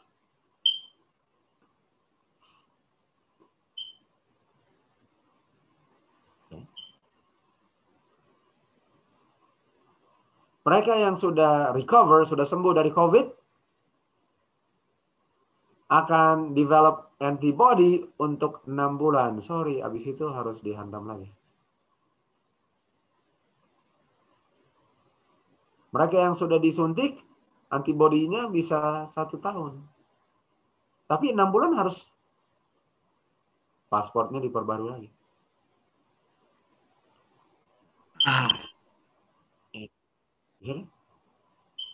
Lalu bilang, Hong Kong Vaccine Passport. Lebih aman kalau kita izinkan orang-orang yang divaksin dibebaskan dari karantina dalam jangka enam bulan. Israel rencana untuk kasih dokumen travel untuk enam bulan tok. Tapi harus dapat dua dos. Dan mereka nggak tahu berapa lama antibodinya. Artinya, well, kembali lagi ya. Kalau nggak kembali, kamu punya paspor expire dan kamu nggak bisa jalan lagi. Tapi sudah disuntik, sorry. Kamu punya punya antibody cuma enam bulan. Udah bagus, dia bilang nggak satu bulan, betul? Enam bulan. Tetapi bagaimana kalau ada varian yang baru keluar? Ah, Delta, kayak Lambda, habis. Kalian bisa lihat arahnya ke mana ini? Total control. Ini dia.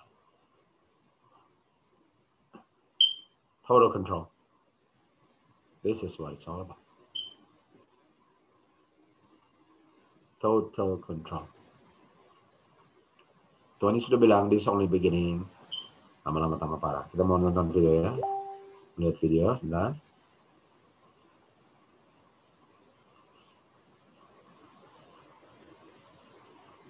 Today is the first full day of the New World Order. Outdoor gatherings are. Okay. Coba lihat ini. Oh, lihat ini. Uh. Nah, saya akan terjemahkan sebagian-sebagian ya. Kalau yang ngerti bahasa Inggris bagus, pertama ada juga yang enggak, jadi saya akan terjemahkan pelan-pelan, lalu kita ulang lagi.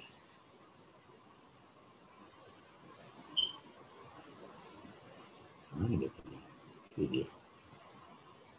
Di sini. Ah. Oh, sorry, bukan. Lagi cari di mana videonya. Oke. Okay. Jadi kuncinya apa? Nggak akan tambah baik. Biar kalian mau disuntik pun berkali-kali, nggak akan tambah baik. Dan jangan ditipu dengan siapa pun. Kalian yang ambil alih, kalian punya keselamatan. Oke, sudah lihat? Ada mobil-mobil? Sudah. Ya. Okay. Today is the first full day of the New World Order. Outdoor gatherings are limited to two people. Exercise is allowed, but no further than a 10 kilometer radius from you. Jadi, dia bilang, perkumpulan di luar cuma bisa dua orang, olahraga hanya dalam dalam lingkaran 10 km dari rumah. Okay. lihat-lihat lihat-lihat eh, untuk lihat-lihat eh, apa yang mau lebih di toko nggak boleh satu orang saja yang bisa masuk toko kalau mau kubur orang hanya 10 orang eh. Home, browsing in shops is not permitted. Only one person per household may leave to do essential shopping. Ini and from tomorrow, funerals are limited to 10 people. This is a world pandemic. It's a one in 100 year event. So you can expect that we will have transmission uh, from time to time, and that's just the way it is. We've got to accept that this is the new world order. We've got dia bilang apa apa san kamu harus terima bahwa ini New World apa Order. New World Order. dia bilang kamu harus terima inilah kenyataan New World Order Oh wow. Kalau enggak terima aja ini Australia ini di Australia kamu harus terima terima aja kalau nggak kamu nggak suka ya apa boleh buat. Ini kenyataan hidup. Jadi jadi kita sudah disuntik. Katanya bagus. Ah, sorry. Ini New World Order. Nggak nggak nggak sudah disuntik bagus tapi nggak akan kembali lagi. Tapi kita mau mengabarin Injil loh. Ngabarin aja nanti kita aniaya betul? Sudah lihat? Umat Tuhan yang sudah dijab semua udah ketipu semua. Sudah bisa lihat? Apalagi yang suruh-suruh yang suruh-suruh jab siapa gereja. Gereja yang suruh. Pendeta. Yang suruh dokter dokter. Jangan dikelabui dengan titel orang. Kalau lihat orang dengan titelnya apalagi orang-orang yang selalu kasih dia punya titel panjang-panjang itulah yang kalian harus jauhkan diri kalian dengan titel panjang-panjang kalau mau titel Tuhan Yesus Tuhan Yesus datang lahirnya di kandang binatang nggak pakai titel-titel. Jadi kalau orang mau tunjukkan bahwa dia hebat dengan tunjukkan titel itu buktinya nggak hebat. Karena dia harus kasih tunjuk titelnya dulu supaya orang bisa lihat dia hebat ya. Ngomong dulu baru saya tahu kamu hebat atau enggak. Tanpa titel, betul? Jadi jangan tertipu. Waduh, titelnya lebih panjang dari namanya. Pasti tong kosong bunyinya nyaring. Begitu sudah, Bung. Ke sekolah apa? Itu kenyataannya.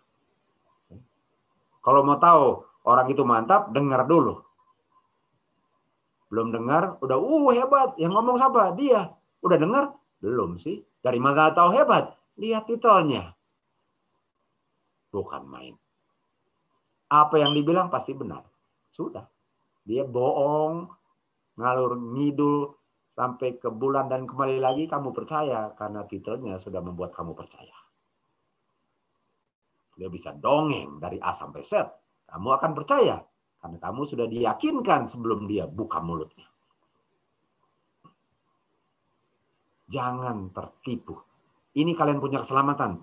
Jangan kalian didikte siapa pun keselamatan kalian. Siapa pun. Jangan percaya saya. Saya nggak ada titel. Saya ada titel. I'm the son of God. The sons of God. Bukan son of God. Tuhan Yesus. I'm the sons of God. Seperti kalian adalah the sons and daughters of God. Saya anak Tuhan berdasarkan firman-Nya. That's my title. Saya anak Tuhan. Cuma itu titel yang berarti bagi saya. Wah, sudah habis waktu kita. Kita kasih habis videonya. Sudah keluar? New World Order, Stan? Sudah keluar, Stan? Sudah, Kak. It is. We've got to accept that this is the new world order. We've got to accept that this is the new world order. This is the new world order. This is the new world order. Today is the first full day of the new world order. The new world order. The new world, new world, or new world order. I want to be straight with you. There will be no return to the old normal for the foreseeable future. Apa dia bilang? Saya mau jujur kepada kamu. Ini ini Presiden WHO. Badan yang dipercayakan kesehatan setiap masyarakat penduduk dunia, presidennya bilang, saya mau bilang kepada kamu, dunia ini tidak akan kembali ke normal. Boleh? Jadi jangan percaya kamu punya pendeta, Jangan percaya kamu punya dokter bahwa akan kembali lagi. Percaya Tuhan Yesus. I repeat, there will be no return to the old normal for the foreseeable future. So people assume uh, we are just going back uh, to the good old world which we had, um, and everything will be normal again in how we are used to normal, in the old fashion. This is, uh, let's say, fiction. It will not happen. A vaccine on its own Dia bilang, kalau kamu pikir bahwa kita akan kembali ke normal, itu fiksi. Itu dongeng. Klaus Schwab bilang. Apa maksudnya? Lalu dia bilang ini, coba kita baca. Vaksin tidak akan mem, tidak akan meniadakan pandemik. Jadi hanya karena kamu divaksin bukan berarti pandemiknya hilang. Jadi pertanyaannya, pertanyaan saya, kenapa divaksin dan kalau tetap ada pandemik? Bukankah itu pertanyaannya? Betul? Iya, betul. Alvin? Jadi ya kalian harus tanya, Aduh. kenapa divaksin? Kalau waktu divaksin tetap ada pandemik, jadi apa gunanya divaksin dan? Kenapa umat Tuhan nggak tanya? Kenapa nggak ada tulang belakang untuk tanya? Kenapa main terima saja? Dokter, pendeta, siapa saja bilang, kenapa? Kalau pemimpin WHO dunia bilang, Klaus Schwab bilang, orang-orang bilang nggak akan kembali lagi. Kenapa? Kenapa? Vaksin bukan solusinya mereka bilang. Kita sudah tahu solusinya Sunday law guys, Sunday law. Bukan vaksin. will not end the pandemic. Surveillance will need to continue. People will still need to be tested, isolated, and cared. Jangan pikir karena sudah disuntik akan beres. Akan tetap di surveil, akan dilihat, akan dimonitor kamu. Kamu akan tetap diuji, diisolasi, dan harus dirawat. Jangan pikir ini akan berakhir. Bagaimana? Aduh, baru ngerti. Iya, iya. Boleh? Apakah ini tentang pandemik atau tentang undang-undang hari Minggu, hai orang Advent? Apa jawabannya? Ini undang-undang hari Minggu. Contacts will still need to be traced and quarantined. Communities will still need to be engaged. It is a big idea, a new world order. We can find meaning and reward by serving some higher purpose than ourselves, a shining purpose, the illumination of a thousand points of light. It's no longer a theory. What I'm about to say is fact. The secret organizations of the world power elite are no longer secret. They have planned and are now leading us into a one world communist government. Ini bukan rahasia lagi. Ini rahasia terbuka. Ini global global elite orang-orang kaya penyembah setan semua itu saya tambah walaupun itu benar.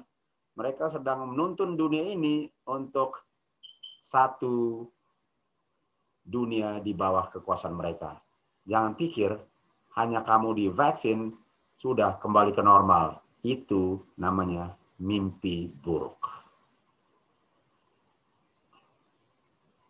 This is terrorism of the most worst kind, brought on you by our own government. lead in shaping a new world order for the Biden. 21st century. Bagaimana guys? Sudah bangun? Sudah dibangunkan? Are you awake now? Sudah bangun atau masih tidur? Sudah mau sande loh. Kalian pikir karena sudah disuntik sudah saya sudah tolong mempercepat menghilangkan pandemi. Selamat tertipu. Mereka nggak ada rencana. Gimana Tidak ada rencana. Gereja Advent menganjurkan anggotanya untuk secepat mungkin disuntik karena ini bukan penggenapan nubuatan. Padahal mereka punya rencana ialah sedang menggenapi nubuatan yang orang Advent seharusnya tahu, tapi sudah nggak tahu lagi. Mudah-mudahan sudah-sudah mengerti. Kita akan berhenti di sini karena sudah jam 10 malam di sini. Semoga saudara-saudara bisa lihat saya punya tujuan apa. Saya nggak mau detail-detail ngomong tentang virus, walaupun itu ngomong tentang ini dan itu, itu nggak penting. Itu penting di pelajaran lain. Tapi yang saya mau tekankan ialah apa yang kalian sedang lakukan untuk mempersiapkan dunia yang sedang mempersatukan dirinya untuk menganiaya umat Tuhan. Saudara, siap atau enggak akan datang. Lebih baik siap, karena memang akan datang. Jadi kita akan sambung lagi, sesuai dengan rencana kita akan sambung dua hari kemudian, hari Minggu di Indonesia seperti biasa. Untuk lanjut pelajaran ini dan selanjutnya. Semoga saudara-saudara sudah dibangunkan dan sudah lihat bahwa kita sudah di akhir zaman. Jangan antisipasi sesuatu yang tidak akan terjadi, sementara yang sedang terjadi tidak pernah diantisipasikan. Sehingga saya akan kedapatan di luar pintu yang sudah tertutup selama-lamanya. God be with you guys until we meet again, kalau Tuhan izinkan dalam dua hari untuk sama-sama melanjutkan pelajaran dan mempersiapkan untuk mengabarkan Injil, hidup untuk memuliakan Tuhan, dan dijemput Tuhan Yesus di alawan. Itu kita punya keinginan. Dari saudara-saudara? Oke, okay, Stan. Kita mau minta Stanley untuk berluasnya. Thank you. Oke, okay. kita bertelut merendahkan diri di hadapan Tuhan. Oke, okay. Bapak di surga, terima kasih banyak Tuhan atas belas kasih-Mu, pitimu terhadap kami yang mau menurut untuk membalas kasih-Mu ya Tuhan, karena Engkau terlebih dulu mengasihi kami. Engkau telah membangunkan kami ya Tuhan di penghujung sejarah dunia ini melihat kekacauan yang Tuhan sudah dengan adil kasih tahu kepada kami bahwa akan terjadi. Begitulah keadilanmu ya Tuhan, untuk umat-umatmu tidak ada umatmu yang jujur, yang jalan buta-buta, karena guide-nya adalah Alkitab dan Roh Nubuat jelas sudah menyatakan itu. Dan sekarang kami dibukakan lagi, kalau kami masih tidur ya Tuhan, Tuhan sudah bukakan kami sehingga kami tidak mati dengan sia-sia. Karena kami tahu darahmu sangat mahal menebus kehidupan kami dengan tidak mengotori kehidupan kami dengan apa yang terjadi sekarang ini. Dengan tidak percaya dongeng yang penguasa dan gereja yang sedang lakukan itu untuk memanggil semua orang supaya binasa. Karena Tuhan ketika kami menjadikan Tuhan sebagai juru selamat kami, kami melihat jelas bahwa keadaan sekarang adalah buatan manusia. Terima kasih Tuhan atas pekabaran yang bukan lagi indah, tetapi mengandung kehidupan kekal, mengandung keselamatan akan menanti kami ketika kami percaya dan terus menurut continue terhadap firman Tuhan, belajar setiap hari. Know the truth ya Tuhan, supaya kami tidak binasa. Itulah kehendak Bapa yang di sorga. Kami mengikuti apa yang anakmu bilang, sudah diungkapkan di hari-hari terakhir, bahwa patokan kami bukanlah orang yang memiliki gelar, bukanlah orang yang dihormati dunia, tetapi orang-orang sederhana yang Tuhan hire sebagai murid-muridnya cuma dari nelayan-nelayan biasa, tapi itu pola menunjukkan orang-orang biasa yang mengungkapkan mengunmask akan kebohongan yang menutupi dunia ini.